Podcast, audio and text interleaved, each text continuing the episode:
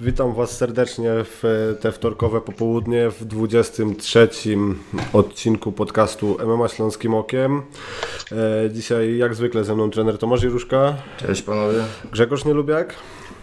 Siemka. A także gość specjalny Kamil Zawarski, czyli organizator e, zbliżającej się wielkimi krokami gali Wieczór Walk 6 live in studio. Witam Cię Kamil. Cześć, dzięki wielkie za zaproszenie.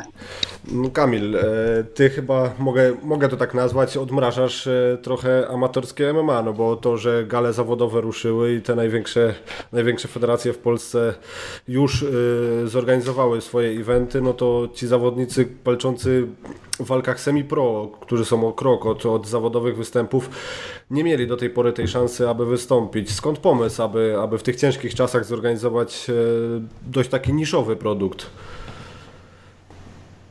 Rozmawialiśmy kilka miesięcy temu, jeszcze przed chyba poprzednią edycją i mm, wtedy, e, wtedy razem gdzieś też doszliśmy do wniosku, że jest miejsce na coś takiego, jest potrzeba, żeby też te amatorskie gale, które w zasadzie mm, ten dystans 3 po 3 i jak cała ta otoczka jakby bliżej jest temu zawodowstwu niż niż takim walką na zawodach, gdzie jest jedna runda czterominutowa i jeszcze inne e, rzeczy, że, że jest potrzeba, żeby tego typu e, eventy też miały miejsce. Mm, no ja się w tym dobrze po prostu odnajduję, gdzieś mi jest to bliskie, współpracuję e, z, z tymi młodymi zawodnikami. Mm, mm, raz, daje mi to satysfakcję, dwa, że uważam, że, że gdzieś już sporo czasu przy tym jestem trochę tego widziałem od strony organizatorskiej, e, od innych stron w zasadzie też i, no i myślę, że, że, że warto, żeby ktoś to robił. E, mamy dużo fajnych organizacji zawodowych, które, które naprawdę robią świetne gale, oczywiście KSW, ale, ale też wiele innych, ale też jest potrzeba, e, żeby tego typu jakby miejsca dla dla tego najmłodszego pokolenia, które dopiero wchodzi, a jest moim zdaniem niesamowicie utalentowany, żeby im stwarzać miejsce do startów i do rozwoju, a na obecnej sytuacji ten rozwój i o te y, możliwości startowe jest no bardzo, bardzo trudno, więc no więc no, postawiliśmy powalczyć o to i, i taką możliwość im stworzyć. Super, e, bo to jest chyba taka pierwsza, największa gala, jeżeli chodzi o taką szansę dla amatorów. A powiedz mi, właśnie do tych początków chciałem wrócić. E, opowiedz, jak to się zaczęło, że wymyśliłeś, a zrobimy galę taką właśnie dedykowaną amatorom e, w tych 3 razy 3 tak żeby mogli się wykazać. Opowiedz o samym początku, bo tego jeszcze nie miałeś okazji powiedzieć na antenie nigdzie, jak słyszałem, a to jest ciekawy temat. Tak, wiesz co, e, mm, to się chyba zaczęło, ja parę lat temu e, tak mocno współpracowałem e, mm, ze szkołą walki trwala i tam właściwie takich wewnętrznych eventów troszeczkę rozkręcałem. Już, gdzieś mi to chodziło po głowie, żeby tego typu jakby zawody tworzyć. Natomiast czasem to się bardzo rozrosło też koncepcyjnie i, no i od samego początku mi zależało, żeby to nie było ograniczone tylko do jednego miejsca, tylko, czy jednej grupy, tylko żeby to było coś, co będzie gdzieś tam scalało jakoś lokalne środowisko, różne kluby. Krakowskie, ale potem też nie tylko krakowskie, bo i, bo i Śląsk, bo i cały tak naprawdę region, a jak się okazuje e, też coraz więcej e, zawodników i zawodniczek z, no, z całej Polski e, przyjeżdża, bo, no bo, bo staramy się, żeby tych najlepszych amatorów gdzieś tam e, do nas zapraszać i rzeczywiście, żeby te rankingi, które się gdzieś tam z czasem wykształciły, żeby one no, oddawały jakby, aktualny stan tych, tych, tych, tych talentów amatorskich. No i gdzieś tak to stopniowo rosło. E, myślę, że od dwóch, trzech edycji to już się kiedy ja też się w tym całym projekcie tak bardzo usamodzielniłem, no to wtedy udało mi się już tą koncepcję tak w 100% chyba e, sobie doprecyzować i no i myślę, że już od poprzedniej gali, gdzie to w większości były walki właśnie amatorskie, gdzie zaczęliśmy wprowadzać te rankingi, gdzie te drabinki się gdzieś potworzyły, e, no i wszystko już na tych zasadach międzynarodowych, MFO-skich. E, no myślę, że to wtedy się już tak jakby do, doprecyzowało. Na tej, na tej gali zobaczymy też e, coś, o czym my rozmawialiśmy właśnie e, chyba w marcu bodajże. Mm, coś, co można było wcześniej zobaczyć na galach Cage Warriors. Mowa tu o amatorskich pasach mistrzowskich. Ty też wprowadzasz to do swojej organizacji. Powiedz mi, czy zdobycie takiego amatorskiego pasa to jest e, już dosłownie kroczek przed, przed pójściem w zawodowstwo? No bo to jest jednak duże wyróżnienie. Gdzieś tam na, na gali, w, gdzie są rankingi, zdobyć amatorski pas, to już gdzieś po kilku, po kilku pojedynkach semi-pro wygranych, e, więc e, ta kariera zawodowa zbliża się pewnie wielkimi krokami dla tych zawodników, którzy będą walczyć o mistrzowskie pasy. No, tak mi się wydaje. Ja nie ukrywam, że ten model brytyjski e, jest gdzieś tam dużą inspiracją przy tym. Mam wrażenie, że jest to tam dobrze rozwiązane i jakby widząc te kolejne prospekty, które przechodzą te wszystkie szczeble przez te amatorskie E, pasy, mm, niektórzy też medale na tych międzynarodowych zawodach e, przez właśnie mm, Cage Warriors i inne no, organizacje do UFC. Jak sobie spojrzycie na karty, nawet teraz na Fight Island, to tak naprawdę przepraszam, na każdej macie zawodników, którzy jeszcze chwilę temu tam gdzieś walczyli, mieli tylko czekać, kiedy następne y, talenty się tam pojawiają. Jasne, że, że to tam jakby wpływ, kwestii jest wiele, natomiast no mam wrażenie, że, że jakby to jest do, dobry kierunek, żeby to stopniowo tak bardzo przechodziło i te walki, e, no, nazwa, my je nazywamy ciągle semi-pro, natomiast dla mnie to są po prostu walki amatorskie. No, uważam, że we współczesnym ma w etapie, na którym jesteśmy, już jako dyscyplina, no to te 3 po 3 to jest powinny być standard, jeśli chodzi o walki amatorskie. Jeśli myślimy o tym, że za chwilę ci e, chłopcy i, ci, i te dziewczyny będą walczyć 3 razy 5 w dużej klatce, no to, no to, to jeżeli chwilę wcześniej walczą jeden, jeden 4-minutową rundę, no to, to wiecie, ten, ten przeskok jest bardzo duży. Moim zdaniem te 3 po 3 to powinien być standard amatorski i to powinny być w zasadzie nazywane walkami amatorskimi plus ograniczone zasady. E, no i oczywiście ten jakby zwieńczeniem tego etapu e, fajnie, jeśli jest na przykład możliwość zdobycia takiego amatorskiego pasa. Wiadomo, że to jest e, tylko pas amatorski, a z drugiej strony jest to jakieś tam uwieńczenie tego, tego okresu. Fajne przygotowanie do, do jakichś większych wyzwań. Mm, no myślę, że to ta, ta, to stopniowanie tego wszystkiego jest gdzieś tam potrzebne. Mm, I też, wiecie, no to są jakieś dodatkowe punkty na tej drodze. Fajnie sobie wyznaczać jakieś cele, fajnie sobie y, to wszystko planować. Myślę, że to pomaga i zawodnikom, i trenerom, i całemu otoczeniu. Aha, dobrze powiedziane. A powiedz, a jak było ciężko y, złożyć galę, jeżeli chodzi o zawodników we wiadomych czasach? Trudno było? Wiesz co, to, to jest tak naprawdę najmniejszy problem, jeśli chodzi, jest, jest, gdybym tylko mógł, to bym organizował takie eventy co miesiąc, bo jest wielu chętnych osób, e, mm, więc tutaj przy poprzedniej edycji mieliśmy ponad 20 walk, przy tej gdybym tylko mógł, to też by było ich e, więcej lub mówię, robilibyśmy to częściej, także uczestników chętnych jest bardzo dużo, szczególnie teraz, kiedy no, tych możliwości startowych w zasadzie nie ma e, dla, dla tych e, młodych zawodników. Mm, więc no, tutaj to jest tak naprawdę problem bogactwa, szczerze mówiąc. Jeśli ktoś się tym trochę interesuje, to, to możliwości zestawienia fajnych amatorskich starć jest mnóstwo. A no, kwestia logistyki, finansów, wiadomo, żeby to wszystko jakoś poskładać. To pokrótce opowiedz, czego możemy się spodziewać w sobotę, jak będzie wyglądała gala, no bo to jest gala studyjna, natomiast transmitowana w YouTubie za darmo, bez żadnego pay-per-view, każdy może obejrzeć.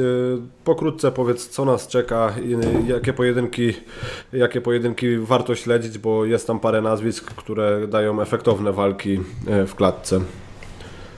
Tak, no, zdecydowaliśmy się, żeby zrobić otwartą transmisję, troszeczkę może inny model e, niż do tej pory mm, przy tego typu galach. No ale też zdajemy sobie sprawę, że jesteśmy no, niszową imprezą i, i siłowanie się na pay-per-view. Myślę, że w ten sposób jesteśmy w stanie dotrzeć do większej liczby osób, zainteresować jakby no, naszym Halo? Coś się nam zgubiło tutaj. No, nie słyszymy Kamila w tej chwili. Nie wiem, jak wy tam. Halo? O, teraz wróciłeś. Obserwował. Coś przerwało. E, tak, tak, coś przerwało. Więc myślę, że ten model taki otwarty będzie, e, będzie lepszy, więcej ludzi to zobaczy, więcej ludzi się tym być może zainteresuje. Będzie opcja, żeby wesprzeć nas jakby takimi donacjami w trakcie, w trakcie gali. Nawet teraz jest też możliwość takich wpłat, takiego wspierania. Zobaczymy, jak się to sprawdzi. Mam nadzieję, że taki model się spodoba i że ludzie docenią to, że jest to za darmo.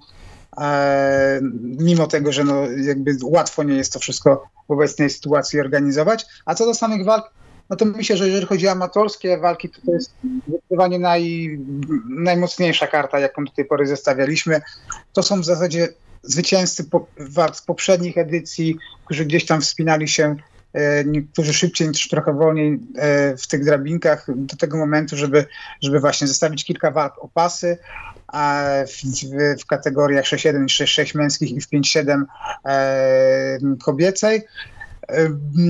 Więc tutaj to są, uważam, to wszystkie te trzy walki mistrzowskie, które będzie, to będą bardzo wyrównane starcia absolutnie czołowych amatorów w tych kategoriach e, wagowych i e, no i w zasadzie sam nie wiem, jakbym miał tutaj. Mm, żadnej z tych walk nie jestem w stanie wskazać tak naprawdę jakiegoś jednego wyraźnego faworyta. Myślę, że to będą bardzo, bardzo wyrównane, zacięte pojedynki, które, e, w których uczestnicy w zasadzie są już blisko startów zawodowych, tak, tak myślę. Jeśli chodzi o pozostałe pojedynki, które jeszcze tutaj warto wyróżnić, to myślę, że super zapowiada się też walka kobiet w 6-6. Klaudia Syguła i Sara Jóźwiak.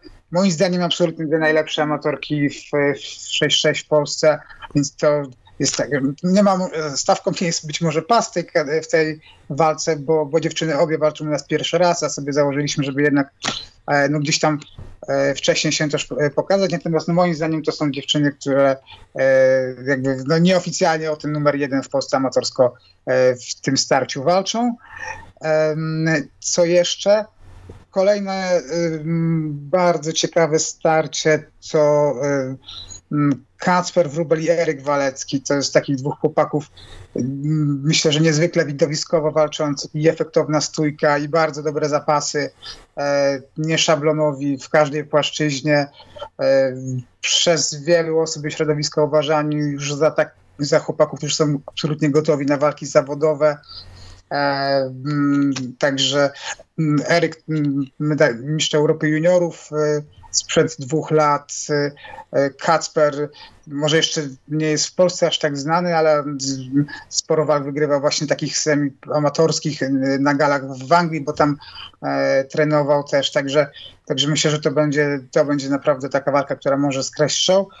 E, kolejna walka Dominika Wydry, e, który co edycję daje, daje świetne pojedynki, no i no jest numerem jeden w wadze lekkiej czeka na walkę o pas. Nie mia, miała się być na tej gali, ale, e, ale niestety jego, e, jego rywal e, Gustaw Gośko nie był w stanie się przygotować, więc ta walka jest przesunięta na następną edycję. Natomiast Dominik chciał zawalczyć, chciał zdobyć kolejne doświadczenie, zrobiliśmy walkę w catchweightie. E, myślę, że z fajnym, doświadczonym, wymagającym rywalem i tutaj Bogusław Kozioł z Skalnego powinien mu postawić ciężkie warunki. To będzie taki test dla, dla młodego wilka, właściwie młodej wydry. Czy jest już gotowy na te, na te poważniejsze starty no i być może zawodowe walki w przyszłości nie NBA? To tak jakby lecąc z góry, natomiast e, no myślę, że to jeszcze przynajmniej kilka pojedynków e, zasłużyło na jakieś wyróżnienie.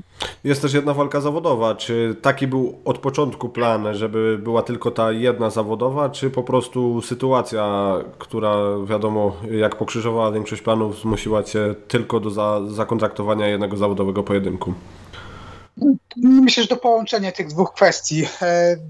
E, na pewno y, ideą naszą jest, tak, jest to, żeby mm, to były głównie walki amatorskie, ale żeby też jakby tą wisienką na torcie było kilka walk zawodowych.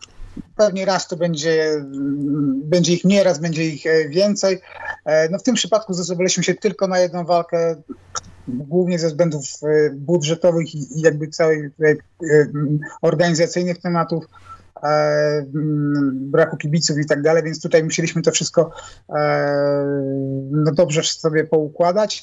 Natomiast chcieliśmy, żeby była takie, mówię, taka, taka wisienka na koniec tej karty i, no i też te walki zawodowe, które stawiamy, chcemy, żeby to były mm, walki zawodowe z udziałem jakby, żeby to była też jakby taka konsekwencja, żeby to byli zawodnicy, którzy walczyli u nas amatorsko i, i przechodzili przez te, e, przez te wcześniejsze gale, lub też są młodymi prospektami z regionu, którzy gdzieś już są na zawodowstwie, ale dopiero zaczynają, no i którzy mogą być takimi gorącymi nazwiskami w najbliższych latach. Mam wrażenie, że i Paweł Szumna z, z Bielska i Robert Uchała z Grapplingu Kraków to są takie nazwiska, które, które, które w ciągu najbliższych lat mogą namieszać w kategorii 6, 6, która się bardzo fajnie rozwija, sporo młodych talentów się pojawia, więc to, to są tacy zawodnicy, którzy myślę, że E, że za chwilę będzie o nich jeszcze głośniej, niezależnie od wyniku tej walki, bo myślę, że oba mają papiery na to, żeby walczyć dla dużych organizacji. Mhm, to jest prawda, to jest, będzie ciekawa walka ta zawodowa, zresztą tak samo jak te amatorskie. I pytanie teraz ode mnie w związku z tym, bo tak, już dopracowałeś się, e, wyrobiłeś to, że będziesz miał walki o pas amatorskie w swojej organizacji i to zawodników, którzy już mają historię walk u Ciebie. To się w Polsce chyba jeszcze nie zdarzało, bo już mieliśmy amatorskie pasy, ale to na takiej zasadzie, że po prostu przychodziło dwóch chłopaków, amatorów skądś tam, walczyło, a to są tacy, którzy już sobie tutaj historię zrobili. I czy będziesz chciał wprowadzić jakiś pas bądź pasy zawodowe u Ciebie tak samo? Bo gala się fajnie na razie rozwijałaby tak dalej. Amatorsko idzie mocno do przodu, zawodowo też już jest niezła historia. I czy planujesz w związku z tym pasy dla zawodowców? Na ten moment nie planuję. Myślę, że jesteśmy, że to jest dużo, dużo pracy. Tak jak te pasy amatorskie są jakąś konsekwencją kilku gal i takiego stopniowego rozwoju, rzeczywiście budowania e, tych dywizji, w których tych zawodników się wielu już przewinęło i jakby jest sensowność stworzenia jakiegoś tam rankingu, który nie jest sztuczny. Może on się tworzy, że jeszcze kilka gal, żeby to wyglądało tak, jakbym chciał, Natomiast, e, natomiast już jakby są podstawy, żeby takie rankingi e, wyłonić i takich mistrzów. Natomiast jeśli chodzi o zawodowstwo, no to tutaj nie będziemy tak naprawdę, w, przynajmniej na tym etapie, e, tutaj udawać i jakby tworzyć, wiecie, dorabiać czegoś, e, czego tak naprawdę nie ma.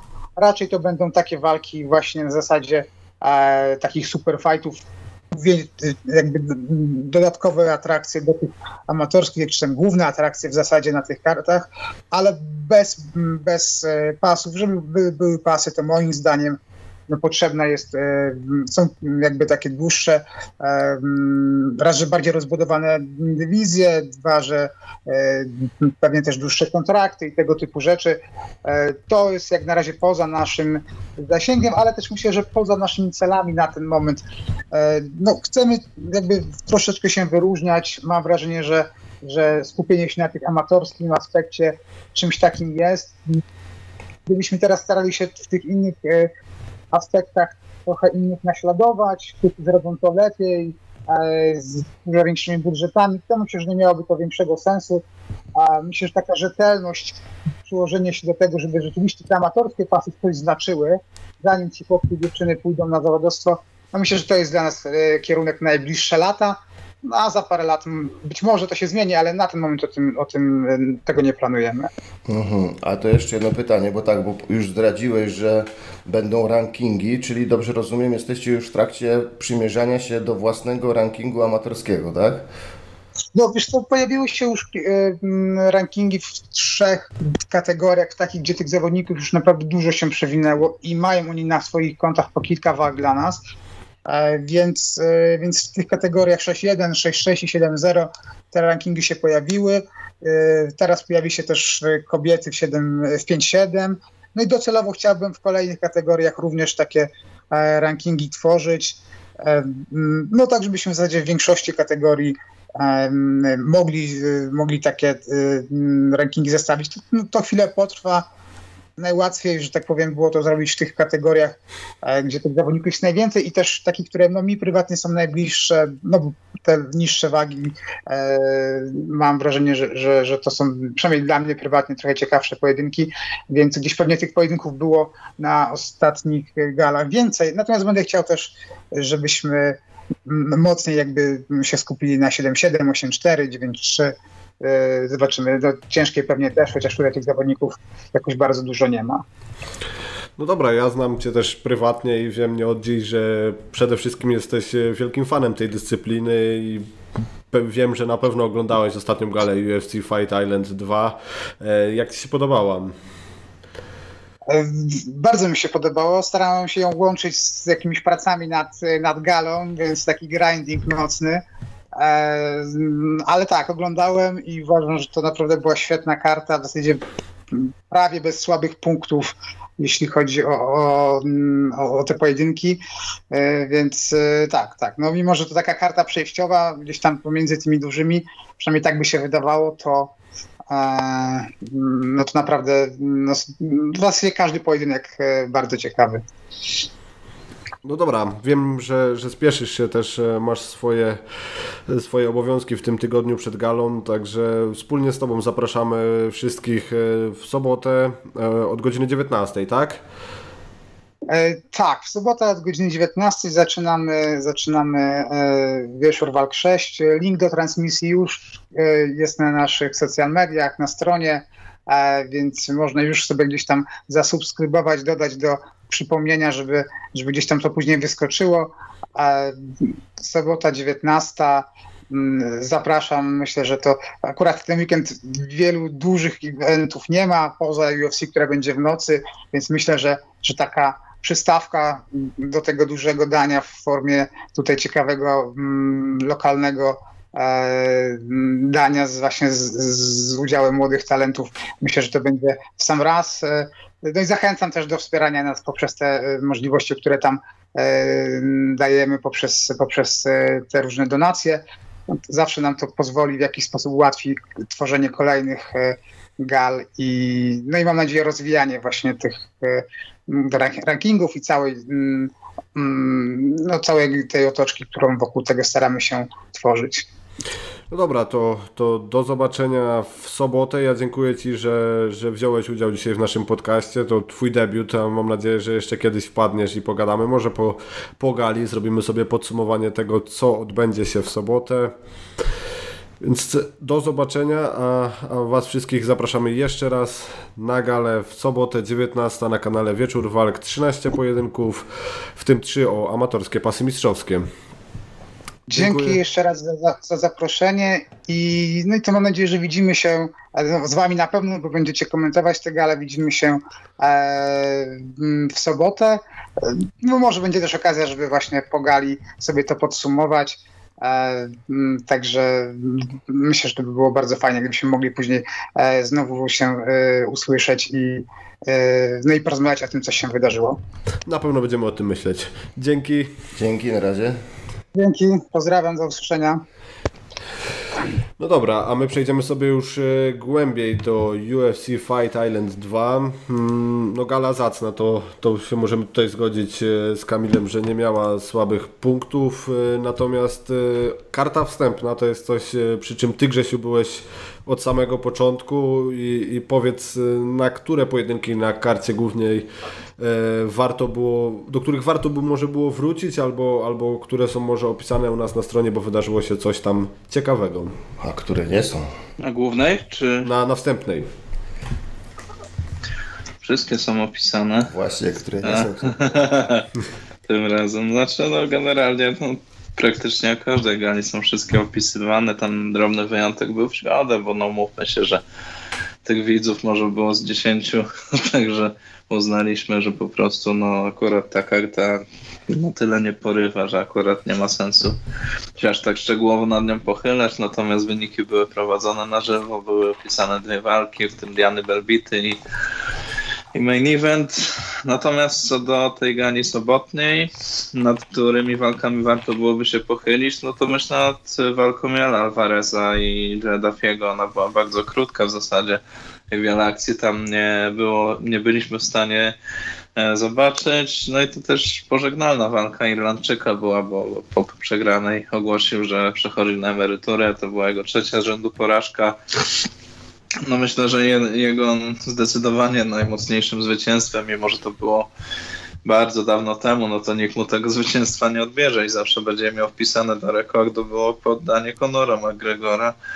No ale to już zdecydowanie nie jest ten sam zawodnik, który był wtedy. Zresztą no, w rewanżu to nawet nie byłoby o czym mówić mimo wszystko. Mm, co tu jeszcze było warte obejrzenia? Myślę, że debiut Amira Albaziego też bardzo fajnie się pokazał. Tak w sumie zaskoczył mocno przeciwnika tym trójkątem z dołu. Um, Armand Sarukian, jak ktoś lubi zapasy, jak ktoś lubi taką otwartą bitkę, czasami w pewnych momentach też można było ją e, doświadczyć w tym pojedynku. Bardzo fajny występ. Myślę, że, że warto tego zawodnika śledzić. Teraz Pogali wzywa na pojedynek Alaja Quintet, gdzie że w Rosji jest bardzo znanym zawodnikiem i, i chciałby się z nim zmierzyć myślę, że jak najbardziej może dostać taki pojedynek i, i trochę bym się na miejscu Queen. Halo Grzesiu? Czekasz kolejna porażka, to już go będzie naprawdę w, złym, w złej pozycji stawiało. Mm, no i no, chyba już pożegnalna walka Hadisa Ibrahimowa, bo to już tak jego trzecia porażka z rzędu i żadnego zwycięstwa nie, nie uzyskał w organizacji UFC, także po przejściu z M1 jako mistrz niepokonany, no strasznie słabo się zaprezentował w UFC. No walka generalnie taka no była, bo była, jakoś tam niewiele się ciekawych rzeczy działo, samo skończenie dość ciekawe, bo, bo Ibrahimow e, klęczał w zasadzie na kolanach, spojrzał e, do tyłu na przeciwnika, on już tam celebrował zwycięstwo, sędzia wydał gest, że, że walka się już zakończyła, on sam chyba teoretycznie był świadomy i tam te ciosy mu za wiele nie zrobiły, ale to tak wyglądało jakby faktycznie nie wiedział co się stało do końca, więc no to taka krótka, e, krótkie takie recenzja tej karty wstępnej, no bo tam też się ciekawych rzeczy parę zadziało, ale myślę, że główna akurat na tej gali, w przeciwieństwie do tej zgodowej, bo tam właśnie uważam na odwrót, no była zdecydowanie lepsza. Tomek, a ty e, coś na temat karty wstępnej e, masz do dodania? Mhm, I dodania, i do zapytania. W ogóle cześć panowie na czacie, bo tutaj już E, witałem się z Wami na początku, ale potem nie miałem jak się do Was odezwać. Cześć wszyscy stali bywalcy, cześć nowi, fajnie, że jesteście. E, Grzesio już tutaj zdążył wspomnieć o walce pogromcy Conora McGregora sprzed lat, czyli Dafiego, e, z, z młodym, ambitnym Hiszpanem Joe Alvarezem. Zdziwiłem się bardzo, bo jak oglądałem tą walkę, to patrzyłem, że faworytem dla bookmacherów jest właśnie Duffy. Nie wiem dlaczego Pewnie dlatego, że pokonał kiedyś Conora McGregora. Tak, tak. To pokazuje to, jak ludzie myślą. To było bardzo dawno temu. Tam się wszystko zmieniło od tego czasu. Oczywiście, tak jak powiedział Grzesio, tego mu nikt nie zabierze. Do końca życia będzie to miał w rekordzie. E, no ale to, co było, a nie jest, nie pisze się w rejestr. Niestety, jeżeli chodzi o ocenianie aktualnej dyspozycji zawodników. Ja tam niespecjalnie widziałem szansy jego na zwycięstwo z Alvarezem.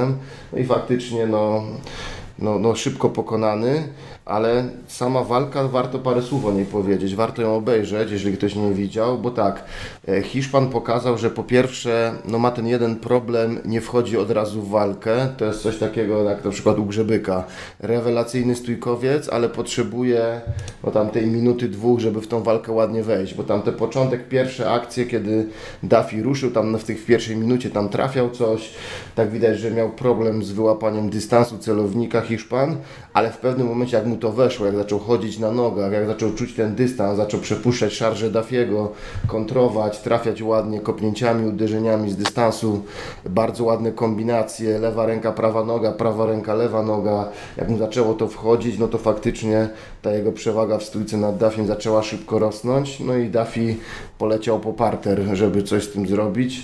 I ty zrobił to no, żałośnie, bo po, poleciał, wejście w nogi zrobił na nisko, na głęboko, ale spadł na oba kolana i z tych obu kolan próbował coś obalić, także to nie było żadnego zdrażenia dla Alvareza, który mógł, to widać było spokojnie temu uciec, ale zobaczył, że tam się otwiera szansa do złapania za brodę i włożenia ręki do gilotyny, to zrobił, wykończył. Bardzo mnie też właśnie ta dyspozycja w parterze Dafiego zdziwiła, bo e, no to nie była taka gilotyna taka wpięta idealnie w tempo, to właśnie było tak, że Alvarez najpierw chciał jakby sfraulować, uciekać nogami, ale złapał za brodę, zmienił zdanie, usiadł, wciągnął sobie nawet nie do pełnej gardy, tylko do takiej półgardy bardziej, to było takie wciągnięte, co prawda jedną nogę zarzucił na tułów, ale drugą miał e, jeszcze taką niedopiętą, więc tu jeszcze miał spokojnie czas, żeby wychodzić, Duffy jeszcze miał wolną rękę, którą nic nie robił, potem użył tej ręki do odklepania tylko, ale w ogóle się nie bronił, a wystarczyło przytrzymać udo wychodzić biodrami. No, no strasznie słabo się pokazał pogromca Rudego. Nie wiem czemu tak to słabo wyszło, a Hiszpan mega dobrze, tylko jedno, Hiszpan musi, musi szybciej w walkę wchodzić, bo jak trafi na bardziej zdetermin zdeterminowanego zawodnika, e, no to, który zacznie go cisnąć od pierwszej minuty, no to Hiszpan może, może no jak zaśpi w tej pierwszej minucie, no to może dużo nazbierać, może i przegrać walkę w tym czasie, ale od momentu, kiedy wszedł w walkę, zaczął korzystać z tej swojej stójki, z dystansu, bić te kombinacje, no, no super, po prostu rewelacyjnie się to oglądało. Także tak, to, to, to do tej walki. E, I pytanie do Was mam, bo e, jak wiecie, ja wtedy byłem z Wami, komentowałem, ale tylko końcówkę. Wcześniej byłem w pracy. No i e, nadrabiałem później walki, ale nie udało mi się wszystkich walk nadrobić, nie wszystkie chodziły. I do Was mam, bo oczywiście czytałem relacje, natomiast chciałem, żebyście opowiedzieli o Spiwaku z Felipe. Nie widziałem tej walki niestety, więc chciałbym żebyście o niej opowiedzieli, bo chętnie posłucham na żywo teraz. No to, to musi Grzesiu, bo ja nie byłem od początku przy UFC, wstałem dopiero przed kartą główną, także Grzesiu oddaję Ci głos. No, pierwsza runda myślę, że spokojnie mogła iść.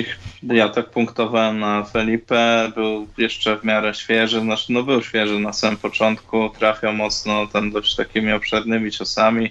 Generalnie to taka kombinacja była lewy, prawy zazwyczaj, głównie skupiał się na ciosach sierpowych, więc myślę, że no w pierwszej tak trochę, no to nie chcę powiedzieć, że zaskoczył Spiwaka, ale tak w pewnym momencie było widać, że taka rezygnacja się pojawia na jego twarzy, nie wiedział co ma w ogóle robić. Ale już tak pod koniec tej pierwszej rundy zaczął się odgryzać też swoimi kombinacjami, gdzieś tam kopnięcia też umieszczał na głowie przeciwnika. No ewidentnie ta, ta waga nie jest dla Felipe, no warunkami fizycznymi tutaj mocno odstawał, ma raptem 1,83 m wzrostu, więc chciał być chyba takim drugim Danielem Kormierem, no ale nie wyszło. Mm, druga runda była już dość bardziej wyrównana, ale jednak mimo wszystko celniejszy w stójce był Spiwak moim zdaniem i mm, Felipe już coraz bardziej zaczynał słabnąć. E, w drugiej rundzie już e, pałeczkę, że tak powiem, przejmował Spiwak, celniejsze kombinacje wyprowadzał, bardziej wywierał presję, spychał e, Felipe pod siatkę, gdzie próbował sprowadzeń. Początkowo Brazylijczyk się dość dobrze bronił, ale już później pod koniec te obalenia zaczęły wchodzić. No i trzecia runda, no to obowiązkowo tutaj 10-8 dla Spiwaka, bo, bo tam praktycznie cały czas spędził kontrolując rywala za plecami, zadając mu ciosy. No nie wiem, Felipe to tam na palcach jednej ręki chyba można policzyć celne uderzenia w tej rundzie. E, sporo kontroli, blisko tam myślę było też duszenia, ale Felipe się wybronił z tego, natomiast no, bardzo dominujące pozycje w parterze, głównie kontrola za plecami, wpięcie, rozwijanie, to wszystko po stronie Spiwaka, więc o ile pierwsza runda poszła na konto Brazylijczyka, tak dwie kolejne, w tym ta ostatnia dwoma punktami na konto Spiwaka, natomiast no, widziałem też opinię, że Brazylijczyk mógł wygrać drugą rundę i w zasadzie no, można było, myślę, mu też ewentualnie dać tę rundę. Nie było jakiegoś dużego skandalu, natomiast no, myślę, że Spiwak powinien tutaj bez żadnych kontrowersji wygrać i, i drugie starcie. No jednego sędziego wyszedł remis właśnie dlatego, że punktował, tak jak mówię, że dwie pierwsze dał dla Felipe, a ostatnią dwoma punktami dla Spiwaka i tam mu wyszło 28-28, natomiast dwóch pozostałych sędziów dało 29-27 na Spiwaka, czyli tak jak mówię, dwie ostatnie rundy dla, dla niego właśnie punktowali i, i ostatnią dwoma punktami dla Mołdawianina. No taka walka w sumie, no spodziewałem się trochę więcej, ale może no Spiwak teraz 2-2 ma w UFC, więc zobaczymy co tam z nim dalej będzie, myślę, że go nie zwolnią. Natomiast też warto odnotować, że to jest pierwsza w ogóle e, walka Spiwaka, którą wygrał decyzją, bo wcześniej wszystkie pojedynki kończył. Tam cztery nokauty i sześć poddań, jak dobrze pamiętam, e, były w jego rekordzie. No więc no, też pokazuje, że no w tym UFC Jest troszeczkę inaczej się walczy. Tak jest, jest, Jest Grzesiu, jest ciekawostka. ciekawostka. Jeszcze dwa słowa chciałem o jeszcze jednej walce, tylko na momencik do czatu wrócę, bo tu widzę już się Mariusz. Tak, ja rozwija. myślę, że Mariusz się przeję... y, to jest po prostu literówka i tam pisało dawajcie łapki w górę, żeby MMA Śląskim Okiem mogło się szybciej rozwijać. O to Nie, chodziło on dobrze powiedział, dawajki, dawajcie łapki w dół, bo MMA śląskim okiem się za szybko rozwija. No zgadza się, chodzi o to, żeby łapkować w dół MMA Tonighty, żeby się ta dysproporcja doświadczenia wy- wyrównała. No chyba, że my jesteśmy w Ale Tonightie. gdzie no, w MMA Tonight to jest on sam. Ostatnio musiał nas dwóch zaprosić, żebyśmy, No, wiesz... też prawda, też prawda. nie? A, to może mu chodzi o to właśnie o to, że pakiet kontrolny przejmujemy pomału w MMA Tonight. A nie bój się Mariusz, zawsze będziesz miał tą fuchę, nic się nie bój, nie zapomnij. Będziemy przychodzić czasami, żebyś miał z kim pogadać w podcaście. No, człowiek Grzesia też ci 8-3. oddamy tak raz na jeden, jeden odcinek z dziesięciu. Jeden z dziesięciu. Jeden z dziesięciu. Żeby było święto, nie? Człowiek lasu 8-3, Malina dostanie 300 łapek w dół. E, no nie, no dajcie Malinie żyć, no. Pan młody, dzban wiśniowy, on już jest pod pantoflem, nie dobijajmy go łapkami w dół, dokładnie dzban wiśniowy. On już jest pod pantoflem, teraz jeszcze, jeszcze przez miesiąc miód, a potem kieraty. Dobra, ty chciałeś jeszcze dwa słowa o jakiejś walce z karty wstępnej? E, tak jest, to znaczy już też już zaznaczył, że to, że to była walka warta wspomnienia Grzesio. Chodzi mi oczywiście o Romana Dolidze z, z żegnającym się chyba z organizacją Kadisem Ibrahimowem. E, no krótka walka w półciężkiej, no głównie o tym trzeba by powiedzieć, że dlatego, że to właśnie kategoria półciężka, która potrzebuje zawodników jak ryba wody.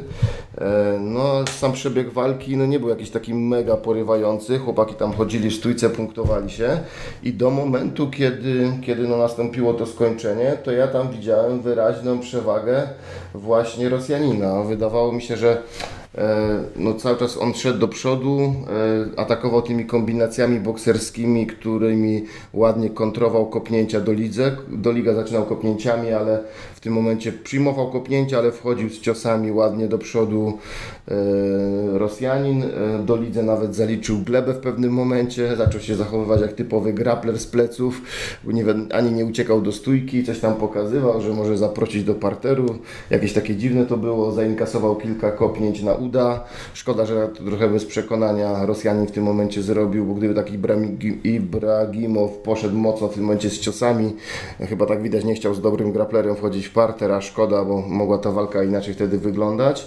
Sędzia podniósł, no i poszedł hajki, który ostatecznie biorąc, zabalansował tułowiem po boksersku za nisko. Rosjanin wlazł prosto w kolano w tym high kicku, no i to, to już Grzesio powiedział, jak ta końcówka wyglądała. Także troszeczkę, troszeczkę to zrąbał na własne życzenie, przegrywa Ibrahimow, szkoda. Znaczy wiesz, jak pamiętasz jego poprzednie walki na UFC, te, które przegrywał, to on zawsze miał dość dobry początek. Gdzieś dopiero później, nie wiem, czy tracił koncentrację, czy mu pary brakowało, no bo z tym, nie wiem, to był Koreańczyk czy Chińczyk, chyba Koreańczyk, co, co z nim walczył w debiucie, Daun Jung bodajże się nazywał, no to on tam pierwszą rundę całkiem nieźle prowadził. Później zaczęło mu brakować tlenu, w drugiej to już tak trochę na przetrwanie, a w trzeciej no to już masakra, jak tą gilotynę mu tam podpiął w stójce. No to tak trochę. E, zgadza się, tylko że tutaj to jeszcze nie, nie był na pewno brak kondycji, to była pierwsza runda. Nie, właśnie dlatego się zastanawiam, czy jakieś czujność stracił, czy już myślał, że, że ta walka się układa po jego myśli, to już nie musi być tak w pełni skupiony. Ale nie mam pojęcia, ale już samo to, kiedy leżał na plecach e, Roman i miał w tym momencie pełne pole do popisu e, Rosjanin i on nic nie zrobił. Parę takich kopnięć na udo, sędzia dał mu dużo czasu jeszcze, bo normalnie sędziowie to w UFC potrafią szybciej takie sytuacje podnosić. Nie wykorzystał tego w ogóle. Widać mógł wpaść takim mocnym ciosem, to nawet jakiś uderzył, ale na nogę, na udo zrobił po- potężny cios z góry na udo. No, co autor miał na myśli, to tylko autor wie. Trzeba było wpadać z uderzeniami, rozbijać i ten cały parter e, Romana tutaj pewnie by e, nie pomógł na niezmęczonego, takiego mocno rozbijającego Rosjanina z góry, który tymi pięściami bić potrafi. E, taktyka Romana mi się też nie podobała, bo na cofce próbował kopać i zbierał przez to te kombinacje bokserskie, chociaż koniec końców to właśnie tym kopnięciem wygrał. Chociaż to troszeczkę tak przypadkiem weszło, bo widać było, że miał być w zamierzeniu high kick, a przez ten nieszczęsny taki bokserski Tak, to kolano weszło. wlazł sam, wlazł w kolano. No ale no, tak mówią, szczęście sprzyja lepszym, wiadomo, nie? No ale w każdym razie to warto tą walkę zobaczyć, żeby zobaczyć jak się przegrywa walki na własne życzenie. No, miał wszystkie papiery, znaczy no nie wiem czy miał kondycję, ale ta pierwsza runda powinna się układać po jego myśli do końca. E, no a tutaj tak przez brak zdecydowania wypuścił z parteru rywala sędzia, na, chociaż sędzia mu pozwalał właśnie wyjątkowo długo stać nad leżącym przeciwnikiem jak na UFC. No i się zemściło. Niewykorzystane okazje się mszczą. No i tak to się właśnie skończyło. No jestem Ale zastanawiam się, bo to no, słabo, naprawdę to, to jest zupełnie inny zawodnik, mam wrażenie, jakby go podmienili. Jak no. go oglądałem w, jeszcze w M1, no, to no. naprawdę tam miażdżył tych rywali, a tutaj to tak no kompletnie inny. Coś naprawdę. nim zgasło, coś nim zgasło i teraz pytanie, czy zobaczymy go w KSW, panowie, jak myślicie? No, powiem wam, że nie zdziwiłbym się. Półciężka w KSW Yy, potrzebuje... potrzebuje... jeszcze bardziej tak. wody niż, niż półciężka w UFC, także całkiem możliwe, aczkolwiek A. przecież UFC cytując klasyka, jak zwykle UFC jest w dupie, KSW nie bierze odpadów, więc... Mm, ja myślę, że prędzej ACA, natomiast Ten, no nie zdziwiłbym się też, tak. jakby trafił za jakiś czas do KSW. No i spoko, no jak dla mnie okej, okay, no on tam będzie mógł sobie pić te soczki ile będzie chciał, także może, może powróci do tej formy, którą prezentował M1. Dobra, przejdźmy teraz e, już do karty głównej, która trwała ledwie dwie godziny.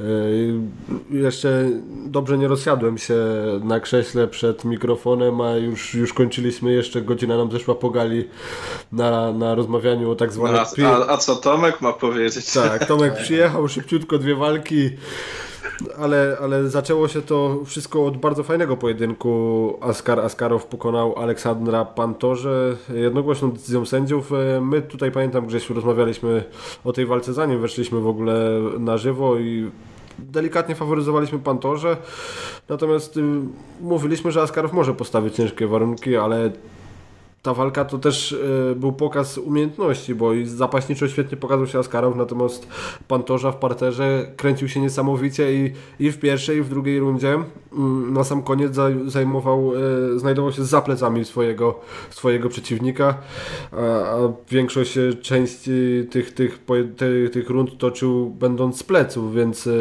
szczególnie w pierwszej rundzie dosyć, dosyć ekwilibrystycznie zaszedł za plecy Askarowa, natomiast decyzja decyzja słuszna, no Rosjanin był lepszy w tym pojedynku. E, Grzesiu, ty jak wspominasz e, tą walkę? Ja myślę, że obaj się tutaj pokazali bardzo wszechstronnie, bo zarówno Pantorza nie odstawał w parterze, no w zapasach tak, ale chociaż też tam próbował podejść, jak dobrze pamiętam, sprowadzać, ale chyba mu to nie wyszło w drugiej rundzie. Mm, natomiast w parterze się pokazał bardzo dobrze, no stójkę to wiadomo, zawsze miał mocną. Natomiast Oskarow po tym wymęczeniu Brazylijczyka zapasami, no też w tej stójce wcale sobie źle nie radził.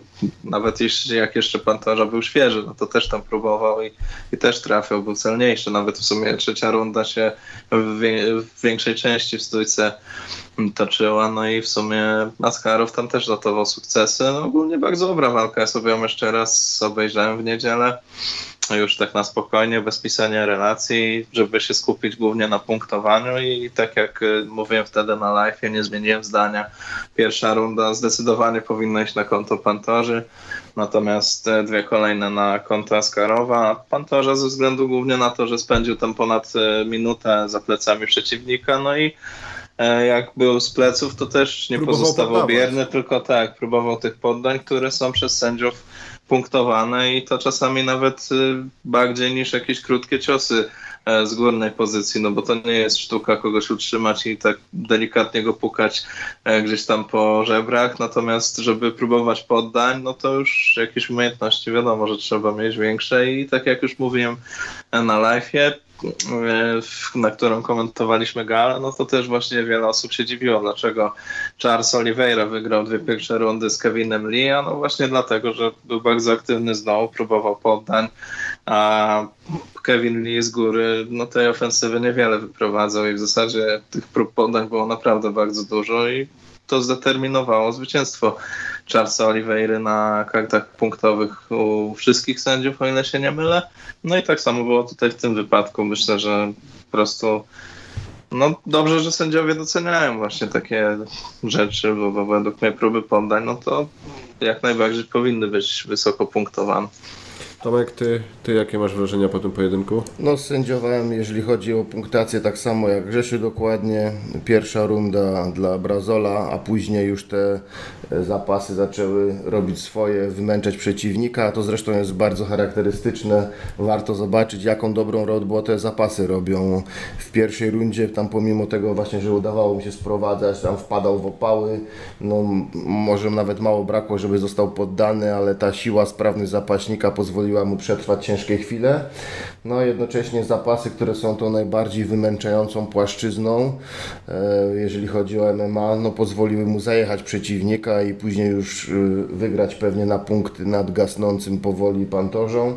Także bardzo ciekawa walka, obaj mieli swoje momenty, no i naprawdę ten triumf tego zapaśniczego stylu, takiego zapaśniczego stylu, oczywiście to jest przekrojowy zawodnik, ale jednak ma te zapasy wyraźnie mocniejsze niż ten rywal, no i chociaż miał rywal wszelkie wszelkie papiery, żeby to wygrać, no to został zajechany, zamęczony i też uważam 2 do 1 wygrywa tutaj Askarow, także bardzo fajna walka. Na czacie widzę, heo, Łukasz Sinczak, Podkarpacie zawitało, cześć Silva, jest i doktor Silesia, nowy użytkownik był ostatnio już, pyta czy będziemy robić typowanie przed walkami UFC, Fight Island, etc. No pewnie będziemy, nie wiem czy przed wszystkimi, Na pewno nie przed tą w tym tygodniu, bo to już na, na grafik napięty w tym tak, tygodniu, tak, tak, tak. Ale pewnie będziemy raz na jakiś czas, tak. zwłaszcza jak będzie taka lepsza rozpiska.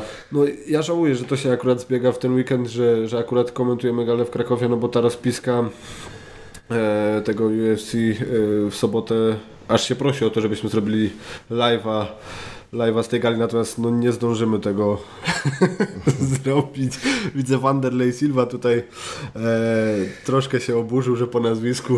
Co, tak po nazwisku do mnie Jeruszka Ale to teraz muszę wyjaśnić nieporozumienie, bo mamy dwóch Silwów na czacie. Jednego Wanderleja Silwę, który właśnie oburzył się o to nazwisko, oczywiście oburzył się z uśmiechem, oraz Łukasza Sinczaka, pseudonim kumpla, Silva. który ma pseudonim Silva, bo trenował ze mną na Podkarpaciu Podkarpaciu, trenuje tam dalej i ma styl walki taki właśnie ala Wanderlei Silva, także mamy dwóch Silwów, Wanderleja Silva, czyli oryginalnego Brazylijczyka i Łukasza Sinczaka, mojego kumpla z Podkarpacia, także mamy dwóch Silwów, przepraszam, zrobiłem teraz tutaj zamieszanie, nie wiadomo było o którego chodzi, więc, więc będę mówił do Łukasza Łukasz, a do Wanderleja Silva Silva, żeby było jasne do kogo się zwracam. E, i Polish Wanderleya, dokładnie tak. Witamy Cię Ciucio. Cześć Ciucio 93 znowu. Pewnie w trasie, jak pozdrawiasz z Holandii, to pewnie w trasie, także szerokości. E, no ale w kolejnej walce e, rodaczka, bliska też naszym kibicom Marian Lipski, rodaczka Wanderleya, mm, błyskawicznie odprawia swoją rywalkę Luanę Karolinę przez rzadko spotykaną technikę MMA, tak Grzesiu to już wspomniał podczas live'a, druga, e, druga w dywizji kobiecej w UFC, który, ta pierwsza też miała miejsce niedawno. E, no Arian Lipski... Tak, 30 maja dokładnie. Tak, Arian Lipski najpierw posyła mocnym ciosem e, na swoją rywalkę. Idzie za nią w parter. E, Karolina kręci się po, po skrętówkę, natomiast e, przytomna Arian e, nie daje sobie zrobić krzywdy, a sama finalnie wyciąga balachę w dość ładny sposób. Walka trwa ledwie minutę 28, natomiast to, o czym my rozmawialiśmy, Grzesiu, i zastanawialiśmy się przed jej walką, w jakiej dyspozycji wyjdzie Arian Lipski, to, to myślę, że spełniła nasze oczekiwania i zasłużyła na ten bonus, który przecież finalnie dostała po gali. Tomek, yy, tobie się podobał występ Arian? No szczerze mówiąc to nie. O. To znaczy, no, ona zrobiła wszystko rewelacyjnie, tylko że tu chodzi o to, że to równie dobrze mogłaby zaprezentować technikę na manekinie do grapplingu, bo jak obejrzałem no właśnie, walkę... to nawet, nawet powiem Ci szczerze, że manekin by chyba aż tak się do tej tak, pozycji tak. nie ustawił. No, dokładnie, nie? to naprawdę no, zdziwiła mnie ta Luana Karolina, która pokazała mniej niż zero w tej walce. No, zrobiła wszystko, żeby przegrać. Zrobiła to, co mogła, żeby przegrać i to przegrać ekspresowo. No, to, no, to tak nawet gdyby przyszedł, no, no nie wiem kto to by to wygrał wygrał tą walkę z tą Luaną Karoliną, bo wyglądało to tak, fajnie ruszyła do przodu Arian Lipski, yy, cofnęła się na siatkę Luana, nie wiadomo dlaczego, spod tej siatki zaczęła kopać okrężne kopnięcia, co zostało natychmiast skontrowane pięściami, no to jest prawidło w MMA, jak się cofasz, jesteś zagoniony pod siatkę, no to nie kop okrężnych kopnięć, bo będzie po tobie, no i było, dostała w łeb, padła, wskoczyła sobie na nią nawet do gardy, wskoczyła sobie Arian Lipski, e, jedyna akcja chyba, która jakoś wyszła Karolinie, to właśnie ciasno złapała, tak jakby chciała wymusić pasywność i ubłagać sędziego o powrót do stójki, ale potem rozmyśliła się i poszła po dźwignię, kiedy podniosła się Arientę, żeby ruszyć z, mocnym bombardowaniem, skręciła się do skrętówy, ale to zrobiła tak nieporadnie, no tak żałośnie, ja myślałem, że to by było bardziej ciasne, myślałem, coś było, to nie miało szans wejść, a jednocześnie, no tak jak mówi Grzesio, no ustawiła się do pozycji błagam, urwij mi nogę, no to i zrobiła, urwała nogę, skoro ta prosiła, przeprost był taki, że aż bolało patrzeć, no, no nie można mieć tu absolutnie żadnych pretensji do Ariana, ona zrobiła, Zrobiła no, swoje. To, to, to, co miała, tylko że no po prostu no, aż, aż się zastanawiałem, czy to nie powinien ktoś inny dostać tego bonusu za poddanie. Chyba bym do walce wieczoru, bo to, to naprawdę no jak to ci, ktoś ci sam oddaje nogę i mówi masz rwi, no to każdy by urwał, nawet bonus BGC, no, no, no, daj, daj, no ustalmy to sobie, nie, tu trzeba jak, jak jakieś walki, obrony, ja tu o, o, absolutnie Ariannie wbijam, ją bardzo lubię, pokazała się, no, no wiadomo, w świetnej dyspozycji, chociaż jakby to wyglądało z inną zawodniczką nie wiemy, no po prostu no, no żałosny był występ tej e, Brazylijki, no po prostu, no nie, nie wiem co Luana tutaj wymyśliła, czy ją stres zjadł, czy była nieprzygotowana, czy po prostu nie jej dzień był. Nie mam pojęcia o co chodziło, nie pokazała nic w stójce, nie pokazała nic w parterze, w zapasach nawet nie miała co pokazać, bo padła po ciosie, no. No nie wiem, no rozczarowanie jeżeli chodzi o Luanę straszną, no Arjen Lipski po prostu musi dostać jakieś normalne wyzwanie. Fajnie, że ma zielone oczko w rekordzie, fajnie, że zaliczyła bonus, zarobiła sobie, fajnie będzie miała akcję na highlighty, właściwie nie jedną. E, całą, cała ta walka prawie to na highlight dla niej, no ale ale, ale no ta jej przeciwniczka, no to dramatycznie słaby występ. Y, Dominik Durniat też na Twitterze wspomniał, że to y, druga gala w historii UFC, na której odbyły się dwie dźwignie na nogę. Znaczy dwie walki zakończyły się przez dźwignię na nogę, bo tutaj oprócz Arian jeszcze jedna zakończyła się, do której przejdziemy. A Natomiast to dwa... była chyba druga, to była ta jak zabit Magomed Sharipov i Aljamain Sterling. Tak, te tak, w Walachy 2000 też na kolano, nie? Dokładnie, w Wyciągnięte. 2018 roku, Tak. więc y, odbieram Ci ciekawostkę. Poniosło, poniosło Konkurencja, mnie. Poniosło mnie. Nie, po prostu zauważyłem tego tweeta i uznałem, że to dosyć ciekawe i warto o tym wspomnieć. E, Kolejny pojedynek. e, Przepraszam sekundę, No. jeszcze na chwilkę do czatu wrócę, zanim nam ucieknie. Marcin Bida, siemanko, było już o Szymonie Kołeckim, Jurasie. E, Wspomnieliśmy, dzisiaj jeszcze nie rozmawialiśmy o tym, coś tak wspomnieliśmy ostatnio, dzisiaj jeszcze nic o tym nie było. Wanderlei Silva, dumny jestem z niej, no wszyscy jesteśmy. Ciucia 9-3, dzięki. Eee, Aha, już ktoś odpisał. Ciucio 93, 49 osób na liwie, 20 łapek. Co jest z wami ludzie? Wspieramy chłopaków. O, Ciucio ma rację, dzięki Ciucio za stawienie się za nami. Jak możecie, dajcie nam łapkę, bo nam to pomaga. Co? Fajnie się rozwijać. Jak powiada kto? Michał Malinowski, Tak jest. którego pozdrawiamy. Tak jest. Pantofel. Dzban wiśniowy. No ale nie odbierajmy zwycięstwa Arien. Była na wylocie, a powoli się odbija. No masz rację. Oczywiście no, nie chcę jej odbierać, bo ona zrobiła to, co powinna. No, nie, nie jej wina, że przeciwniczka była tylko no, tłem i manekinem, bo ja się bardzo z tego zwycięstwa cieszę. No i mam nadzieję, że teraz będzie się wspinała e, w górę pomału i, i zawędruje wysoko. Wanderlei Silva godnie reprezentuje kraj kawy. No i troszeczkę y, Polskę też, no bo dużo tych umiejętności jakie ma, no to nabyła jakby nie patrzeć w Ankosie Poznań. Także no, no ja jej mocno bardzo kibicuję. No przepraszam, już cię oddałem. E, Wanderlei, e, ja jestem ogromnym fanem kawy, także możesz coś podesłać od siebie tam z Brazylii, jakąś dobrą, chętnie przygarnę. Natomiast w kolejnym... Ale Arian trenowała w Ankosie? Nie, nie. W Ankosie trenowała Weronika Macedo. Weronika Macedo. A ona też nie jeździła do Ankosu? Nie. O, a ja myślałem, że tak. Y, Dobra, przejdźmy do kolejnego pojedynku. Rafael Fiziew pokonał Marka Diakezę jednogłośną decyzją sędziów. No, ja jak e, typowaliśmy to w studiu przed galą, no to e, stawiałem dosyć ciemno na diakezę. E, jakbym miał stawiać kupon, to też tam znalazłby się Anglik, natomiast dyspozycja Fiziewa była fenomenalna. Nie wiem, czy widzieliście te, ktoś nie widział gali, to te highlighty, jak on unika tych wysokich kopnięć w stylu Matrixa, wychylając się do tyłu.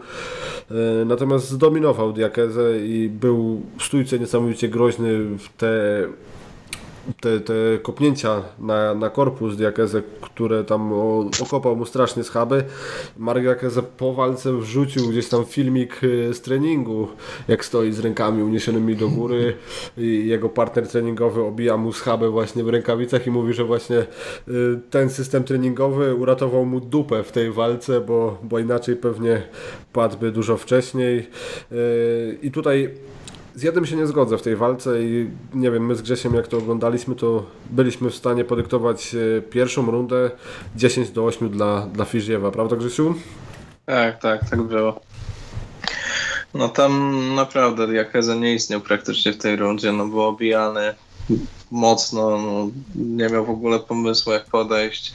No ale wrócił, no wrócił jeszcze w drugiej rundzie też dostał, ale już trzecia runda myślę, że że powinno pójść na jego konto, chociaż no wiadomo, że werdyktu by to nie zmieniło w żaden sposób, ale e, miał jeszcze charakter, mimo że był mocno pobijany, to potrafił jeszcze wrócić i zwyciężyć tę trzecią rundę.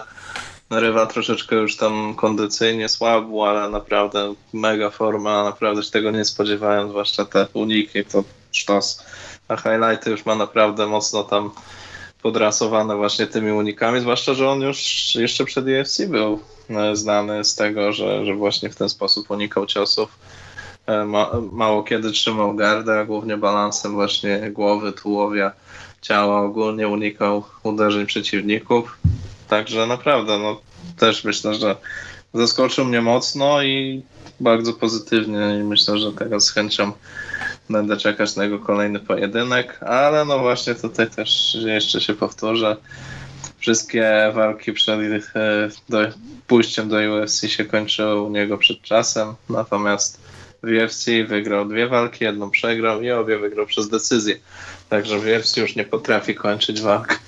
Ale jak będzie dawał takie pojedynki jak z Markiem, no to wcale nie mam nic przeciwko. Niech e, nie kończy tych pojedynków, niech nawet przez 25 minut się biją i niech takie highlighty właśnie powstają z jego pojedynków. Chociaż wiadomo, że no w takim, z takim podejściem, no to no kondycji na 25 minut nie będzie miał, no ale póki co to jeszcze myślę długa droga przed nim, a no gość ma dopiero 27 lat, więc myślę, że jeszcze sporo e, rzeczy po prostu się nauczy i myślę, że zagrzeje jednak miejsce w organizacji na dłuższy czas, bo przyznam szczerze, że po tym debiucie, no to tak trochę myślałem, że napompowany ten rekord był, no, bo, bo przegrał dość szybko i to tak w sumie fajna fajna technika tutaj przez Magomeda Mustafajewa go skończyła, natomiast później się odkuł, dwie walki wygrał. Zobaczymy, co tam dalej dla niego przyszłość wyszykuje. A czekaj Grzesio, bo to mnie zdziwiłeś. Czemu myślisz, że nie będzie miał walcząc w takim stylu kondycji na pięciu rund? Znaczy no w takim tempie w sensie, no bo tam dość mocne tempo sobie narzucił w pierwszej, drugiej rundzie i w trzeciej już było widać troszeczkę te braki kondycyjne u niego. Więc tak. oczywiście no musiałby się po prostu nauczyć rozkładać siły bardziej na 5 rund. A ja bym powiedział, że tam nie było jakiegoś takiego super tempa, bo znaczy co rozumiesz przez tempo, bo owszem, on ciosy i kopnięcia wyglądało, że bił bardzo mocno, nie robił takich punktowanych ciosów, tylko w każdy wkładał siłę. Przy czym tych ciosów, pomimo że oczywiście tu masz 100% racji, to była imponująca walka, a pierwsza runda no to była dewastacja, ale tych ciosów nie było dużo wcale. Tam nawet pod koniec pierwszej rundy pokazywali, ile ciosów zainkasował e, ten Diakas i to było tak, na głowę tam miał coś, około 10 ciosów dostał, kilkanaście na kopnięć na tułów i chyba, nie wiem czy cokolwiek, chyba nic na nogę. Czyli tych w sumie było skutecznych uderzeń ze strony atakującego, było tam chyba no tak w sumie 20 parę chyba w tej pierwszej rundzie. To nawet jeżeli wszystkie były, były bite na taką pełną siłę, co zresztą było słychać, bo tak siarczyście wchodziły te kopnięcia, szedł odgłos, na tułów to wchodziło jak złoto, ale 20 kilka kopnięć i uderzeń w sumie w całej rundzie, to wcale nie jest dużo. No, to, to, to jest spokojne tempo, ja bym powiedział właśnie. Także mi zaimponował tutaj bardzo w tym występie e, chłopak, bo e, nie podpalał się, nie szedł na slackfest, nie walił tam właśnie 20 ciosów na, w kombinacji, tylko szedł, bił pojedyncze ciosy, pojedyncze kopnięcia, spykał, spychał Diakasa mocno do tyłu, także w, zwłaszcza w tej pierwszej rundzie nie dawał mu nic zrobić. Jedyne co zrobił Diakas to najpierw popisał się piękną obrotówką ala Mamet Kalidow, która zerwałaby czapki pod muchem publiczności z głowy, gdyby jakaś publiczność była. E, no a potem został skarcony tym ciosem na tułów, który go zdziwił wyraźnie, odebrał mu trochę oddechu i był cały czas tą, przez tą rundę spychany. Mieliśmy jedną akcję w parterze, taką, taką zapaśniczą, z której Diaka zdołał się podnieść. Tam mieliśmy chwilę ręka głowa, ale widać odpuścił to e, w pewnym momencie Fiżijew i po prostu dalej wbawił się w tą stójkę. Ale to nie było szaleńcze tempo, to były mocne ciosy, tak, ale szaleńcze tempo wcale nie. Zadać tam 20 parę mocnych uderzeń i kopnięć w jednej rundzie, zwłaszcza przy w, w, sytuacji, kiedy przeciwnik nie bardzo kontruje, bo jest zepchnięty do defensywy, to nie jest szaleńcze tempo moim zdaniem, bynajmniej. Dużo bardziej męczą kombinacje, nawet lżejsze, ale kiedy musisz cały czas chodzić, cofać, unikać, atakować, kontratakować, to jest dużo bardziej męczące e, i zwłaszcza kiedy mieszamy płaszczyzny. A jedna płaszczyzna na mocne ciosy, ale na niewielką ilość, to wcale nie. Też mnie zdziwiło... A odchylenia? No to Jak też... dużo absorbują energię ogólnie, tak w porównaniu to znaczy... z, z ciosami? Y, zielonego pojęcia No takie jak on, jak znaczy... on wykonywał generalnie, no bo takie odskoki, doskoki, no to tam wiadomo, ale... Nie mam zielonego pojęcia, bo nikt tego nie robi, nie? Ja nigdy nie robiłem Matrixowych, to trzeba być Neo z Matrixa albo Fijiyewem, żeby takie uniki robić. Albo Andersonem być... Silva. Albo Andersonem Silvą, więc to pytanie trzeba by zadać Neo z Matrixa, ale on był i tak na kodach, więc się nie liczy albo y, Andersonowi Silvie, albo właśnie samemu zainteresowanemu Fijijewowi. No ja tego nie wiem, ale natomiast no, no, dwa uniki takie matrixowe no nie mogły zabrać tyle oddechu, no nie czarujmy się. Także ja oceniam świetny jego występ, pięknie piękna ofensywa, jeżeli chodzi o stójkę, spokojna, świetny celownik, kopnięcia, uderzenia wydawały się mocne, ale albo tak twardy jest Fiji, e, ten e, Diakase, albo no nie wiem, albo naprawdę w tych ciosach nie ma aż tyle siły, jak to wygląda. Tego nie wiem, to się dopiero przekonamy w następnych walkach. Natomiast co ja bym bardzo chciał, no, no zdziwiła mnie ta trzecia runda, kiedy on faktycznie zaczął słabnąć, ale to możemy zwalić na karp tego, tych czasów, że nie był tak jakoś tam może super przygotowany, a może to po prostu Diakas e, ogarnął się po tych ciosach na tyłu w pierwszej rundzie, wrócił mu oddech i po prostu zaczął żyć, bo widzieliśmy, ja widziałem jak on tak po tym pierwszej obrotówce, te pierwsze mocne kopnięcie na tyłów, jak weszło i drugie, to mocno przygasł i chyba musiał dojść do siebie tak, żeby od drugiej rundy zacząć coś robić. Może po prostu ten pasek energii mu wrócił po tych ciosach, ciężko powiedzieć. Natomiast mm, ja by, jestem bardzo ciekawy, jak wypadnie Fijijew jak dostanie kogoś, kto mu mniej stylowo leży, bo tutaj dostał tego Diakasa, który no, no stójkowiec, no, dał się złapać w tą jego grę, dał się zepchnąć do defensywy. Mądry plan miał właśnie tak, też przygotowany.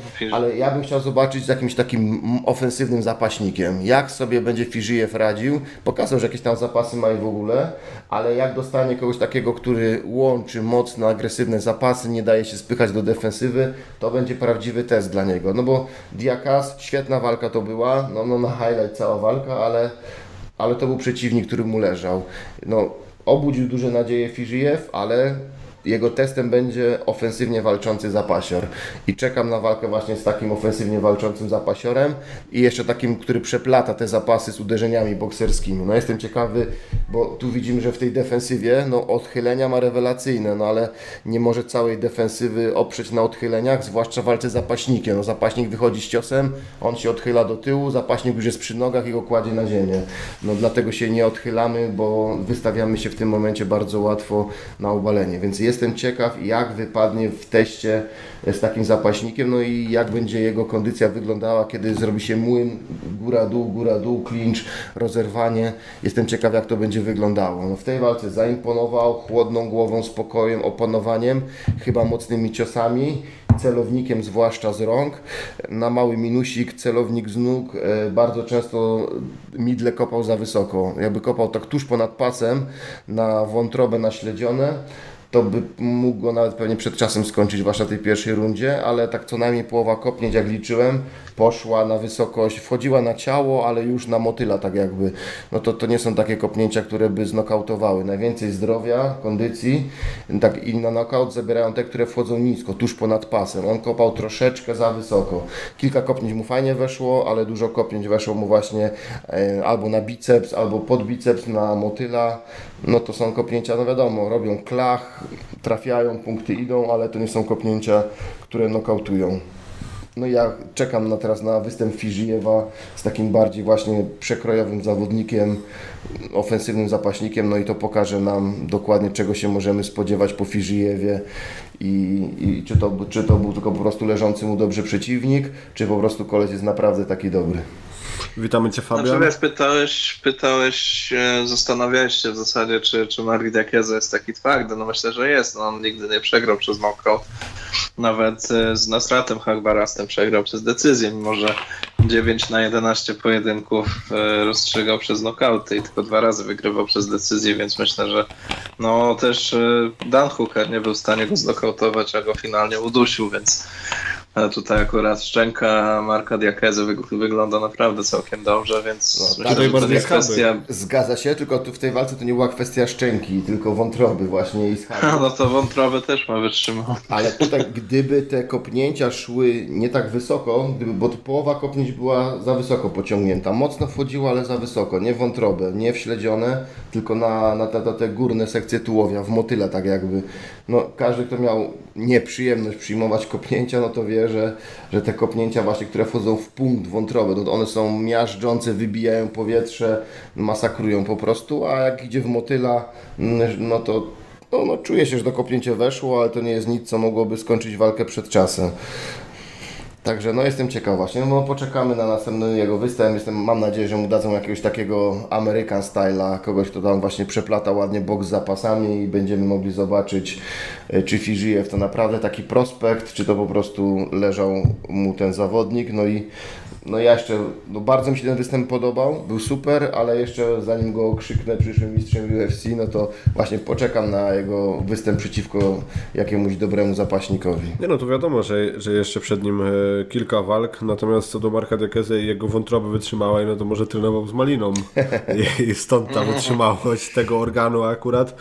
E, natomiast co do samego Anglika, no to w pierwszej rundzie jego plan był prosty czyli te kopnięcia, przez które kiedyś przegrywał, wplótł do swojego arsenału, natomiast e, jedno chyba weszło, po którym ukląkł Fijijew, ale każde kolejne było już przestrzelone, mm, więc teraz e, skoro zaadoptował tak ładnie niskie kopnięcia Anglik, to, to może tak jak Ty Grzesiu już wspomniałeś właśnie podczas tej transmisji, którą robiliśmy z tej gali, to, to może teraz te midle powinien e, wciągnąć do swojego arsenału Mark Diakeze. E, przejdźmy już do co-main eventu mm, gali UFC Fight Island 2 i tutaj no chyba zdziwienie, że Jack Hermanson tak szybko poddaje Kelvina Gasteluma z krętóweczką. Kelvin Gastelum ruszył na, na Hermansona, Hermanson złapał clinch, yy, świetnym rzutem popisał się tutaj w, w kontrze Gastelum, natomiast to co się stało w parterze to myślę, że zadziwiło, zadziwiło nas wszystkich, ale też tak ktoś tutaj na czacie pisał podczas transmisji, E, chyba zlekceważył trochę Gastelum tą próbę e, poddania Hermansona, a skończyło się to tak, jak, jak się skończyło. Grzesiu, ty, ty jesteś zdziwiony, że, że Hermanson nie poddał gilotyną, a skrętówką Kelvina Gasteluma? No, jestem zdziwiony, to przyznam, że zaimponował mi tutaj w tej walce naprawdę. Mm, tak szczerze, to Tomek wcześniej wspomniał, że zamiast Ariento wydał bonus w walce wieczoru, natomiast mi się wydaje, że jednak to poddanie skrętówką było troszeczkę lepsze niż duszenie za plecy w walce wieczoru, mimo że oczywiście sama walka, ten sam main event był bardzo brutalny, ale to za chwilę o tym jeszcze powiemy. Natomiast myślę, że to poddanie było nieco lepsze i no, szybsze też, no i też technika, e, którą wykorzystał Hermanson zdarza się nieco rzadziej niż ta, którą poddał Figueiredo, także ja bym tutaj przyznał na pewno bonus. Natomiast no, co do Gasteluma, no, nie wiem, no coś tutaj nie grał niego ewidentnie. Myślę, że tak jak ktoś tam pisał na Twitterze, czytałem opinię, że najwidoczniej po prostu to już nawet nie kwestia duszy, ale po prostu jakiś kawałek Gasteluma został w tej walce za Desanią i już po tej walce nie wrócił ani nawet w połowie w takiej formie, w jakiej był w tamtym pojedynku. Słabą walkę stylem dał, naprawdę tam niewiele robił. Teraz tutaj w, w, tej, w tym pojedynku w zasadzie za jedną akcję można by go tylko pochwalić za ten właśnie rzut w kontrze, o którym już wspomniałeś i którym też mówiliśmy i którym się zachwycaliśmy w trakcie transmisji na żywo. No ale poza tym, no to, to no co, no obronił pierwszą próbę, drugi się chyba nie spodziewał, że tak szybko i skutecznie Hermanson będzie do tego dążył z powrotem. No, no nie jest to teraz za ciekawe położenie Gasteluma. No trzy porażki z rzędu, jeszcze nigdy w karierze mu się taka... Przepraszam, że ci przerwę. Jak e, Tomek pytał wcześniej o Ibrahimowa w KSW, no to Gastelum jak najbardziej do KSW. Ma papiery, żeby zagościć w największej polskiej organizacji. No myślę, że jeszcze nie. No, ma tam chyba z tego co pamiętam 11 wygranych i 6 przegranych w UFC, więc to jest jeszcze całkiem bardzo dobry bilans, więc... No to może walczyć myślę... o pas od razu. Tak, może wchodzić od razu po pas. Bez wstydu. Także ja jeszcze tutaj bym aż takie brutalne dla niego nie, bo on pewnie jeszcze dostanie jedną szansę. No też dwie walki temu walczył o, o pas tymczasowy, a, a w zasadzie był zestawiony z mistrzem, chociaż tak trochę bez braku pretendentów dostał wtedy ten pojedynek, bo myślę, że nie zasługiwał. No ale dali świetną walkę z Izraelem Adesanią. Myślę, że kiedyś ta walka zostanie wprowadzona do Hall of Fame organizacji UFC, no bo myślę, że zasługuje na to. Według mnie to była najlepsza walka w zeszłym roku w ogóle. Także tutaj za to na pewno jest warto go pochwalić, natomiast no coś tam nie gra i, i się obawiam, że już po prostu Gastelum nie wróci do takiej formy, jakiej był w tamtym pojedynku no dostał tam cztery albo cztery chyba knockdowny były w tamtej walce, mocno tam zbierał te ciosy w ostatniej rundzie, mocno go tam porozbijał Adesania. Nie wiem nawet z kim by go teraz można było zostawić, szczerze mówiąc, z Bradem Tavareszem, z Omarim Achmiedowym, no musi spory krok w tył zrobić. Ja też myślę, że z Krzyśkiem Jutko.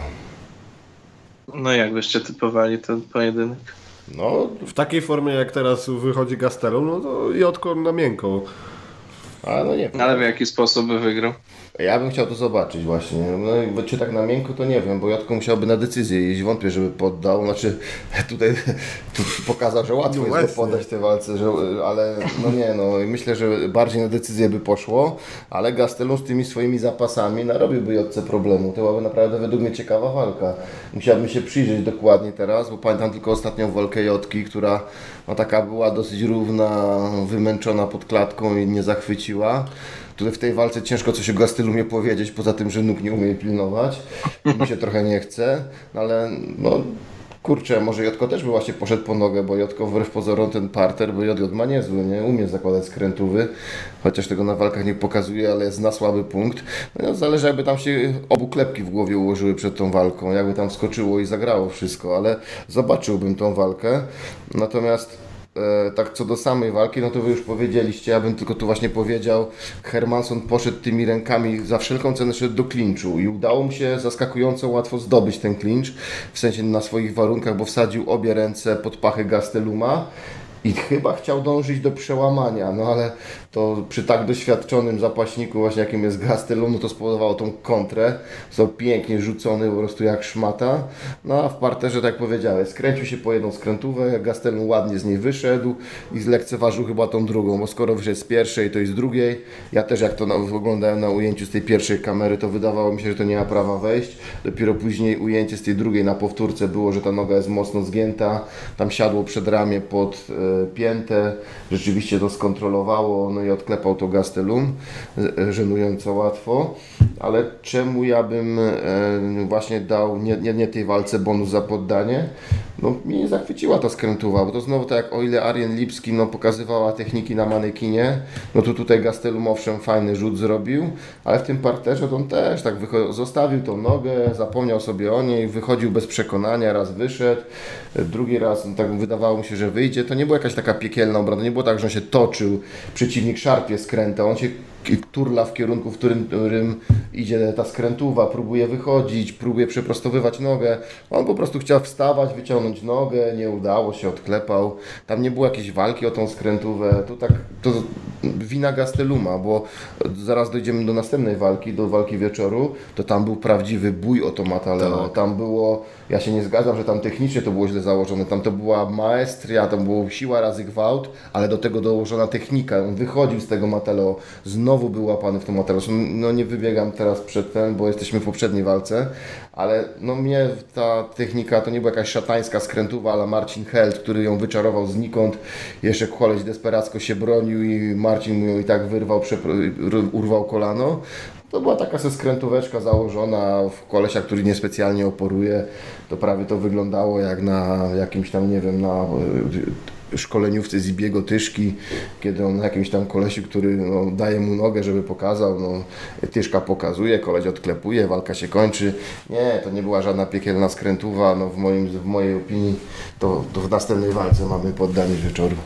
E, co do tej walki i dyspozycji e, samej parterowej, kiedy, kiedy Gastelum, tak jak mówisz, oddał z łatwością nogę Hermansonowi, to e, naszła mnie teraz taka refleksja, bo dzisiaj wypłynęła informacja o niedoszłym rywalu Marcina Różalskiego, który gdzieś tam mm, mówił, że ACA rzekomo miało mu dopłacać 5 tysięcy za to, żeby nie obalał w walce, to tutaj może, może panowie ustalali się, że jak znajdziemy się w parterze, to nie poddajemy i po prostu Hermanson zapomniał wypełnić e, założenia przed walką. A tam zapomniał wała zrobić. tak, wziął 5 koła więcej, ale, ale i tak poddał.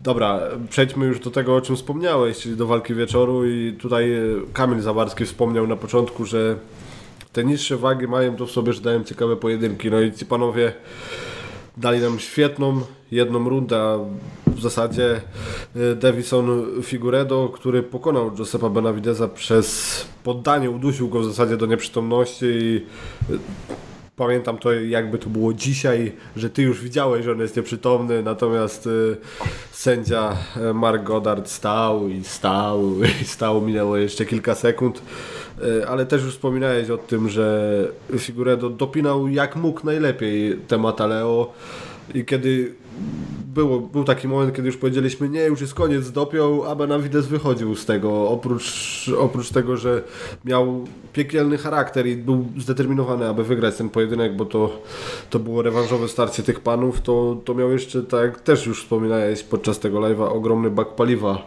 i tlenu w płucach, bo bo to było, no, zabierało dużo oddechu. No to był sztos, to było tak, że no, szły te duszenia, cały czas atakował konsekwentnie, zajął te plery, nawet nie chciał specjalnie uderzać i po prostu zaczął dusić figurę i, no, i złapał, dusił i to było tak, że technicznie dusił świetnie, do tego widać, że dużo siły w to wkładał, ale no rewelacyjnie Benevides się przed tym bronił, pokazał po pierwsze no, siłę karku, po drugie no tak jaja ze stali, kontener w płucach i taką determinację, wolę walki, odpłynę, ale nie odklepię. No i udało mu się raz z tego wyjść, chociaż to już wyglądało, że jest po nim naprawdę. Ja już byłem, nawet mi się wydawało, że tam już klepanie widzę, ale on jednak z tego wyszedł, jakimś cudem zerwał i to jest naprawdę, e, no Japończycy to strasznie cenili, że duszę się nie klepie, walczy się do końca. Honorem w Japonii jest odpłynąć. E, wiadomo, dźwignię tam jakąś skrętówę, e, dźwignię na rękę można poddać, no bo to złamie rękę, ale jak się traci przytomność, no to nic się złego tak naprawdę nie dzieje. Co prawda łapie panika, jeżeli jesteś duszony, czujesz, że ta ciemność już nadchodzi, to taki strach człowieka łapie przed uduszeniem się, taki pierwotny. No ale to właśnie Japończycy uważają, że to jest ten duch samuraja. Zlekceważyć to, walczyć do końca i zostawić e, swój los w rękach sędziego, który to ma ogarnąć. E, tu czasami przy takim godarcie to by się sędziowie mogli, Japoń... czyli zawodnicy japońscy mogli przejechać. E, ale no, no rzeczywiście było tak, że widać było, że już odpłynął, zleciała mu ta ręka, już wisiał bezładnie. Dopiero sędzia tak nieśmiało podszedł, sprawdził tą rękę i dopiero zaczął prze, no, no, potrwało to trochę za długo, a to duszenie widać było, no weszło przemocarnie na tętnicę już i to dwa razy, także zaciskał je mocno, to wchodziła najpierw taka uciskuwa na szczenę, że to bardziej zemboleo było, ale potem poprawił to lekko, weszła ta ręka niżej, zacisnęło się na tętnicy. Pamiętajcie, że duszenia zamykają tchawice i tętnice. Zamknięcie tchawicy samo w sobie takie groźne nie jest, jest mega nieprzyjemne, ale ono tylko uniemożliwia nabieranie powietrza. Bez nabrania powietrza możemy długo wytrzymać, ale jak zaciśnie się tętnica na czysto, to przestaje dopływać krew z tlenem do mózgu i to jest kwestia paru sekund, że się odpływa w momencie jak wchodzi czysto. No i to właśnie odpłynięcie przydarzyło się tutaj Benavidezowi, no ale no pokazał się naprawdę przemocny. Ja bo YouTube'a. Chyba wróciliśmy. Tak, chyba jesteśmy z powrotem. E, jeżeli ktoś jeszcze został, to dajcie znać. Czy nas słychać?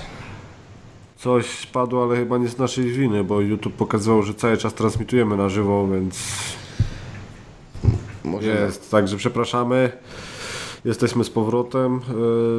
Nie wiem, w którym Powiedzcie na czym, przerwało. skoń- na czym przerwało, bo, bo nie. Ja waliłem cały pewni. elaborat o duszeniu finalnym i się okazało, że, że mnie nie słychać. Poczekamy, czy ktoś na nam znać. No, to ja tylko tak streszczę, że podsumowywałem, bardzo mi się podobało to duszenie, jakie założył Figueiredo.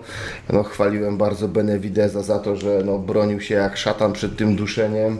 E, udało mu się zrywać jedno, drugie w końcu weszło. Bro, pomimo tego, że tam wszystkie zęby musiały mu trzeszczeć przy tym zęboleo jak były, pomimo, że już był siny jak, nie wiem, Udo Pudziana w trzeciej rundzie na twarzy przy tym pierwszej próbie duszenia, z tego dalej wyłaził. E, No i w końcu e, zużywał dużo, dużo e, energii, a jak się zużywa dużo energii, to i dużo tlenu zużywają mięśnie. No i za którymś razem po prostu, jak już było uciśnięta ta tętnica szyjna, no to brakło tego tlenu w mózgu, jak prawdziwy samuraj odpłynął. Sędzia odrobinę przyspał. Dobrze, że nie było właśnie jakiegoś innego wypadku przy tym. E, No i co? No i w imponującym stylu wygrywa Figueiredo. Benavides pokazuje stalowe jaja. E, No i niestety przegrywa po pięknej pierwszej rundzie, no ale wstydu mu ta przegrana nie przynosi. No rewelacyjna walka według mnie poddanie wieczoru ze względu na to, że było mega konsekwentnie zakładane do końca skutecznie. Był naprawdę, to, to był opór, to nie była Brazylijka, która sama podaje nogę do urwania, to nie był Gastelum, który o, co to, skrętówkę mi zakładają, a to odklepie, tylko to była naprawdę prawdziwa walka o Matoleo. Ja sobie w tej chwili nie przypominam lepszego Matoleo, żebym widział. Jeszcze to wygięcie kręgosłupa do tyłu, bo tak jak nie mógł założyć Figueiredo, pracował cały czas, no, Zemboleo nie chciał odklepać, Odginał mocno Figueiredo do tyłu, także to już prawie mu dźwignia na kręgosłup wchodziła, ten już fokę robił. Eee, no, no naprawdę, rewelacja. No, naprawdę tak teraz na szybko nie pamiętam, żebym widział lepsze Mataleo.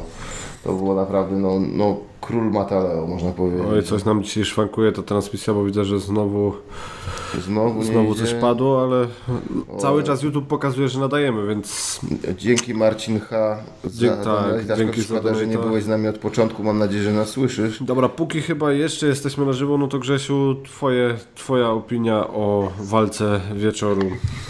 No to tak, ogólnie na początku jak oglądałem z wami, no to też tak myślałem, że sędzia przyspał i, i to z jego winy doszło do tego odpłynięcia i w ogóle, natomiast jak obejrzałem to drugi raz, tylko raz z tego kąta, w którym faktycznie ta walka była pokazana, tak to mogło wyglądać, ale jak się przyjrzałem później, no to tak raptem dwie sekundy. Myślę, że się spóźnił, bo dwie sekundy gdzieś już Benavides był nieprzytomny, natomiast to też nie jest aż, taka, aż taki wielki błąd. I też jak czytałem opinię ludzi, no to też stwierdzili, że nie było tam jakiejś wielkiej kontrowersji mimo wszystko. Bo jeszcze dwie sekundy przed tym jak odpłynął, to próbował szarpać jeszcze tę rękę Benavides i dopiero jakoś za sekundkę mu już ta ręka opadła i wtedy sędzia za kolejną sekundę podszedł, poruszał go za rękę, sprawdził i, i przerwał pojedynek, więc myślę, że aż tak bardzo tutaj Marka Godagta nie ma co winić za to. Oczywiście mógł to zrobić ciutkę szybciej, ale też myślę, że nic wielkiego się nie stało, bo Benavides już zaraz praktycznie był przytomny, więc to też nie było jakieś e, nie wiadomo co. Natomiast co do samej walki, no to tak, trzeba pochwalić przede wszystkim Figueiredo za to, że no, jest bardzo konsekwentny w tym, co mówi w mediach. No to, bo troszeczkę wieje hipokryzją u niego, bo na początku mówił, że on się nie wybiera w ogóle do wagi koguciej, że on, to jest jego dywizja, jest idealna dla niego, że on chce tego pasa bronić przez długi czas i w ogóle, że on nie chce być podwójnym mistrzem, natomiast już później zaczął mówić o tym, że jeszcze trochę i, i przejdzie do kategorii kogucie, że będzie miał dwa pasy, będzie chciał obu bronić i tak dalej, także no tutaj akurat tym nie jest konsekwentny, natomiast przed pierwszym pierwszą walką powiedział, że skończy Benavideza e, do końca drugiej rundy maksymalnie, że walka na pewno nie wyjdzie poza drugą rundę. No i tak też zrobił, bo walka skończyła się minutę i bodaj 54 sekundy, ta pierwsza. Natomiast przed rewanżem mówił, że chce być pierwszym zawodnikiem, który podda Benavideza, bo Joseph Benavides jeszcze e, przed tym pojedynkiem nie miał e, w rekordzie zapisanej porażki przed, przez poddanie. No i także słowa dotrzymał. Czyli słowny chłop. E, tak, tylko no nie zgadza się jedna rzecz, że wyślę Benavideza na emeryturę, bo tak też chciał zrobić, natomiast Benavides twardo powiedział, że on wie, że już walki o pas na pewno nie dostanie, natomiast nie ma zamiaru w takiej pozycji opuszczać w ogóle tego sportu i, i chce jeszcze powalczyć, chce jeszcze e, się mierzyć z najlepszymi zawodnikami tej kategorii, czyli po prostu przyjmuje na klatę rolę gatekeepera, można tak powiedzieć. Natomiast no szczerze, jak to widziałem, no to tak już wielu sukcesów mu nie wróżę. No w ciągu tych dwóch walk z Figueiredo, no wiadomo, że to jest bardzo mocno bijący zawodnik, nie wiem czy nawet nie najmocniej bijący w tej kategorii. No ale bodaj pięć knockdownów było przez te dwie walki, także to też już dobrze o Józefie Benavidezie, w zasadzie o wytrzymałości jego szczęki nie świadczy, bo tam no, mocne ciosy zbierał, ale praktycznie po każdym mocniejszym się kładł. No, fakt, że nie tracił całkowicie przytomności, ale no, same te knockdowny są dość niepokojące i myślę, że tutaj już wychodzi po prostu to rozbicie, no to już jest zawodnik, który stoczył 35 pojedynków i no tak myślę, że z tą ścisłą czołówką tej kategorii też już może mieć problemy powoli. Oczywiście to jest nadal mocny zawodnik i, i nie ma co go skreślać. Ja może jak najlepiej, bo bardzo go lubię Natomiast no, trzeba chyba się już pogodzić z tym, że wiek i, i w ogóle no, też tej, w tej kategorii wiek szczególnie mocno tutaj odciska piętna na zawodniku. Gdyby to była dywizja ciężka, myślę, że nie byłoby aż takiego problemu. Natomiast tutaj no, już też trochę w tej mobilności widziałem braki w porównaniu do tych pojedynków, które toczył wcześniej, na przykład tej pierwszej walki z Mighty Mouse'em, gdzie to był split, no i dość bliski pojedynek, no to tutaj już ta forma Amerykanina pozostawia wiele do życzenia, ale oczywiście to jest zrozumiałe, no to już jest też spory przebieg tego zawodnika, spory wiek, także jak na tę dywizję oczywiście. Także no szkoda, no, no to jest na pewno, ja kiedyś y, prowadziłem taki ranking y, na naszej stronie indecage.pl i tam wymieniłem właśnie 10 zawodników, najlepszych zawodników w historii, którzy nigdy nie zdobyli pasa mistrzowskiego i Joseph Benavides bodaj był tam us, y, usytuowany na drugiej albo trzeciej pozycji, wiem, że na pierwszej był Joel Romero, no jak widać nic się nie zmieniło, bo po tym jak ten ranking opublikowałem, no to Jan Romero dostał kolejną szansę walki o pas, a Joseph Benavides dostał dwie szanse walki o pas i także ich nie wykorzystał. To jest też ciekawe, że e, sześć z siedmiu jego porażek to były właśnie walki o pasy mistrzowskie i trzy w zasadzie, trzech rywali miał i z wszystkimi rywalami, z którymi mierzył się o pasy, przegrał dwukrotnie. No, naprawdę bardzo pechowy zawodnik. No, też tam w pewnych momentach było blisko, żeby ten pas zdobył. Nie udało się.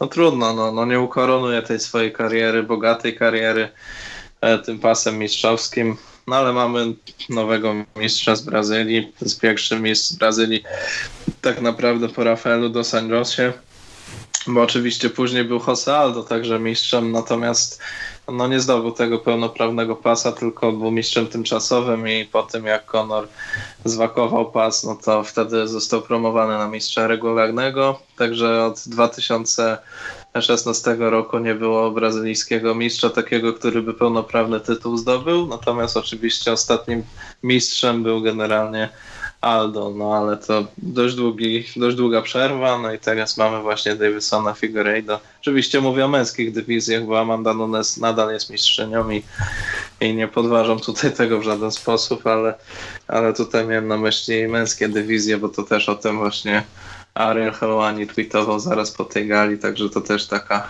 drobna ciekawostka. Forma naprawdę fenomenalna. Myślę, że to jest jedna z brutalniejszych rund, jakie w ogóle widziałem szczerze w walce mistrzowskiej, bo, bo tutaj to ostry, naprawdę ostry wpierdziel dostał Benavides, aż mi się to przykro oglądało, bo mu kibicowałem w tym pojedynku, no ale trudno, no. Figueiredo wyjaśnił po prostu już ostatecznie, kto jest lepszy i myślę, że nie ma nawet w ogóle żadnego sensu kiedykolwiek tej trylogii robić, no chyba żeby Benavides wygrał 6 albo 7 pojedynków z rzędu teraz, czego o, osobiście nie widzę. No chyba, żeby Figueiredo zwakował ten pas i Benavides byłby po serii dwóch, trzech zwycięstw i, i ktoś, z kim już kiedyś wygrał, też byłby blisko tego pasa, no to może by jeszcze dostał ostatnią szansę i by zostawili taki pojedynek, ale jakoś no nie widzę tego szczerze mówiąc i myślę, że to już jest taki ostateczny ostateczna próba była, która się też nie powiodła.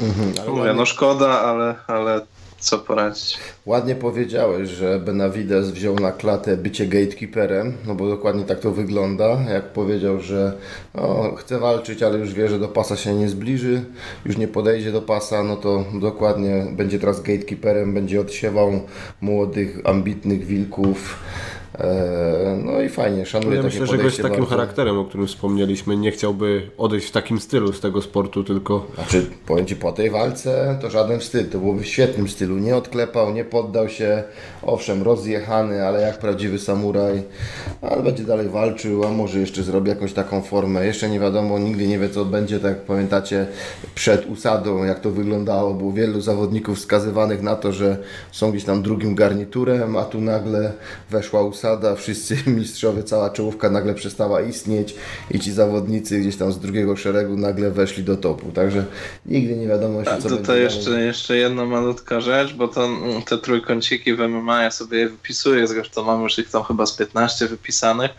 No a tutaj jest szczególnie pokaźny ten trójkąt, bo tak, Josier Formiga jako jedyny pokonał właśnie Davisona Figueiredo a Josier Formiga dwukrotnie przegrał przez knockout z Josephem Benavidezem, którego z kolei dwukrotnie pokonał Davison Figueiredo i też przed czasem dwa razy. Także to jest bardzo ciekawa sytuacja. No. no to taka ciekawostka na koniec, bo Tomek e, wybiera się na trening, który musi poprowadzić, więc będziemy powoli kończyć. Natomiast e, nie udało się omówić e, tych spraw bieżących z, z MMA, a wiem, że padło już to pytanie tutaj od Wanderleya Silwy o Michała Kitę. E, czyli nowy nabytek organizacji KSW, gość, który przychodzi do Fenu. E, gdzieś tam mówiło się, że będzie walczył o pas, natomiast nie zgrała się chyba ta walka z Szymonem Bajorem ze względu na to, jak potoczyła się walka Bajora z Ali Thompsonem. No i teraz tak. Michał Kita w trzech ostatnich pojedynkach. Remis z Brzeskim, ale tylko dlatego, że Brzeski Faulował. Y, faulował, finalnie wygrałby ten pojedynek. Porażka z Ednaldo Oliveirą, który tak naprawdę jest zawodnikiem kategorii półciężkiej, chociaż w naszym kraju walczy o te najwyższe cele w kategorii ciężkiej. I zwycięstwo nad y, zawodnikiem kategorii półciężkiej, zalanym Igorem Pokrajacem, y, który jedną nogą był już na sportowej emeryturze. I Michał Kita powraca do KSW. Ja szczerze wam powiem, nie jaram się kompletnie tym angażem i z całym szacunkiem dla Michała Kity nie sądzę, że. No nie wiem, no zobaczyłbym ten rewanż z Damianem Grabowskim, a wy jak oceniacie e, angaż Michała Kity w, w organizacji KSW? Ja do niego nie mam serca. E, no, no, na razie mnie nie przekonał tym zwycięstwem nad świadkiem Reda. Wcale. E, jak przyjdzie do KSW, no to muszą go dobrze użyć, żeby to miało sens. Albo rewanż z Grabowskim, bo to faktycznie bym ewentualnie zobaczył. Będę kibicował mocno Grabowskiemu, ale... Tylko widzisz, bo tutaj, bo tutaj teraz z kimkolwiek by go zestawili, no może poza Pudzianem, no to praktycznie wychodzi rewanż i z Bedorfem, i z Włodarkiem, z Andryszakiem, z Grabowskim, także ale... na pewno będzie jakiś rewanż. Ale właśnie z ust mi wyjąłeś, bo albo rewanż z Grabowskim, bo to jest rewanż, który mnie jara, albo właśnie do Pudziana go dać, nie? Jeżeli Pudzian nie będzie się bał y, walczyć z Kitą, nie? Ale to właśnie no, no nie widzę, że specjalnie mnie będzie tylko, zaciekawi mnie jego walka z Pudzianem, czyli taki prawdziwy zawodnik już poza prime'em, y, czyli Kita, no i Pudzian, który jeszcze cały czas się, znaczy no, no jest zawodnikiem oczywiście, ale, ale przehajpowanym mocno, wiadomo, tam w opinii Januszy jest, jest, jest głównie takim nie wiadomo jakim mistrzem, ale właśnie jak zobaczyłbym walkę takich dwóch, no powiedzmy, weteranów, a ty Grzesiu, jak oceniasz angaż Michała Kity w KSW?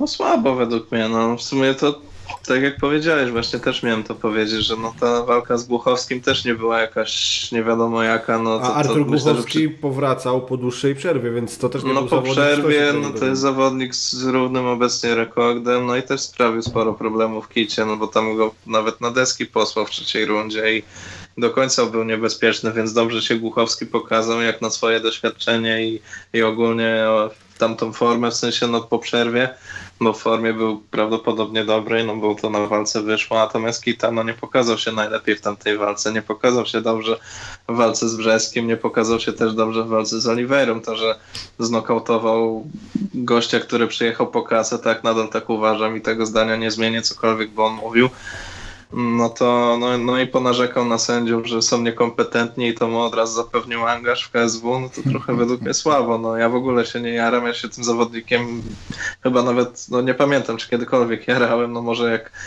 dawno, dawno temu, ale dla mnie to już jest no po prostu no nie no, ja szanuję mimo wszystko dokonania sportowe w ogóle, natomiast nie szanuję podejścia do, e, do tych wywiadów, których udziela, bo, bo według mnie bardzo ofensywny jest nich, jakiekolwiek pytanie dostanie, to, to tak odpowiada no nie tak powinien odpowiadać na te pytania. Według mnie jest no. dość wredny w tych, w tych wywiadach. powiedz wprost. Tak. No tak, no, no jest gburem takim i nie da się go po prostu lubić, nie da się lubić jego kreacji medialnej. Tak, na pracy też nie prezentuje. Hmm? Najgorzej, weszłem ci słowo, przepraszam, ale najgorzej właśnie, że on zawsze mówi e, o ja szanuję prasę, ja znam swoje obowiązki, nawet po przegranej walce wychodzi, wychodzę udzielić wywiadu. Rzeczywiście tak. wychodzi, ale co, jak to wygląda ten wywiad? To co powiesz o walce? No nie poszła, widzieliście sami, dobra, to koniec, idę się do... A przed walką z kolei pytania o jakiekolwiek rzeczy, tam jest mój menadżer, tak, tak, odsyłam tak, do menadżera i... Także to jest taka niekonsekwencja, z jednej strony no właśnie, o ja znam swoje obowiązki, będę udzielał wywiadów, a potem tu gadajcie z menedżerem, a tu jestem po walce zmęczony, a tu coś tam już koniec, sami widzieliście, nie będę komentował i kończy, no, no litości. Także no, no, to jedyny tak, temat, no. który zdo, zdołaliśmy omówić. E, jedyne, jedyne sorki, że ci się wtrącę no. jeszcze, ale chciałem dodać, że po walce z Michałem Andryszakiem na Stadionie Narodowym, no to wprost przyznam, że no dałem dupy, Michał wykorzystał, był lepszy, wygrał, gratulacje, więc no to jeszcze za to jedynie jestem w stanie pochwalić, że tam nie było wijania w bawełnę, no bo po prostu się no, Ale tam, tam nie mógł owijać w bawełnę, bo... Mógł, mógł, mógł, mógł. Pamiętasz jak, jak owijał w bawełnę po Głuchowskim? No tak, no to prawda. Przegrał, rozbrakło no. mu kondycji, a co on wymyślał, że się przetrenował, że to, że tamto. A, a jak było z Oliveirą, że o, długie łapy o, o, wykorzystywał, tak. nie? To co miał sobie uciąć? No, dokładnie. Dobra, y, bo też y, temat Jurasa i Kołeckiego się przywijał, no to jeżeli Was to interesuje, a nie słuchaliście live'a z Gali, to tam pod koniec y, takie rozkminki już w ostatniej godzinie live'a z soboty, to są dużo poświęcone jest na temat tego. Wiem, że Juras też e, jutro podczas swojej Jurasówki e, celowo nie udzielał wywiadów i jutro podczas e, swojego, swojej audycji wyjaśni o co tam chodzi, więc no, myślę, że, że lepiej o tym angażu Kity. No, jest też ta sprawa z Ruszalem, natomiast o tym możecie poczytać na Indecage na naszej stronie, bo wszystko tam jest opisane. E, no co, galę podsumowaliśmy. E, my słyszymy się, o ile będziecie chcieli oglądać, to słyszymy się w sobotę na gali wieczór walk 6. Oglądajcie, oglądajcie. Tak, naprawdę ciekawe pojedynki. Może to są w większości walki amatorskie, to naprawdę są zawodnicy, którzy dysponują już sporymi umiejętnościami i tam raczej samulania nie będzie. Także dziękuję Wam za dzisiaj. Dziękuję Grzesiu Nielubiak, Dzięki, do usłyszenia. Tomasz Jeruszka, Dzięki panowie. a prowadziłem ja Filip Błachut. Także do usłyszenia. Trzymajcie się. Trzymajcie się, cześć.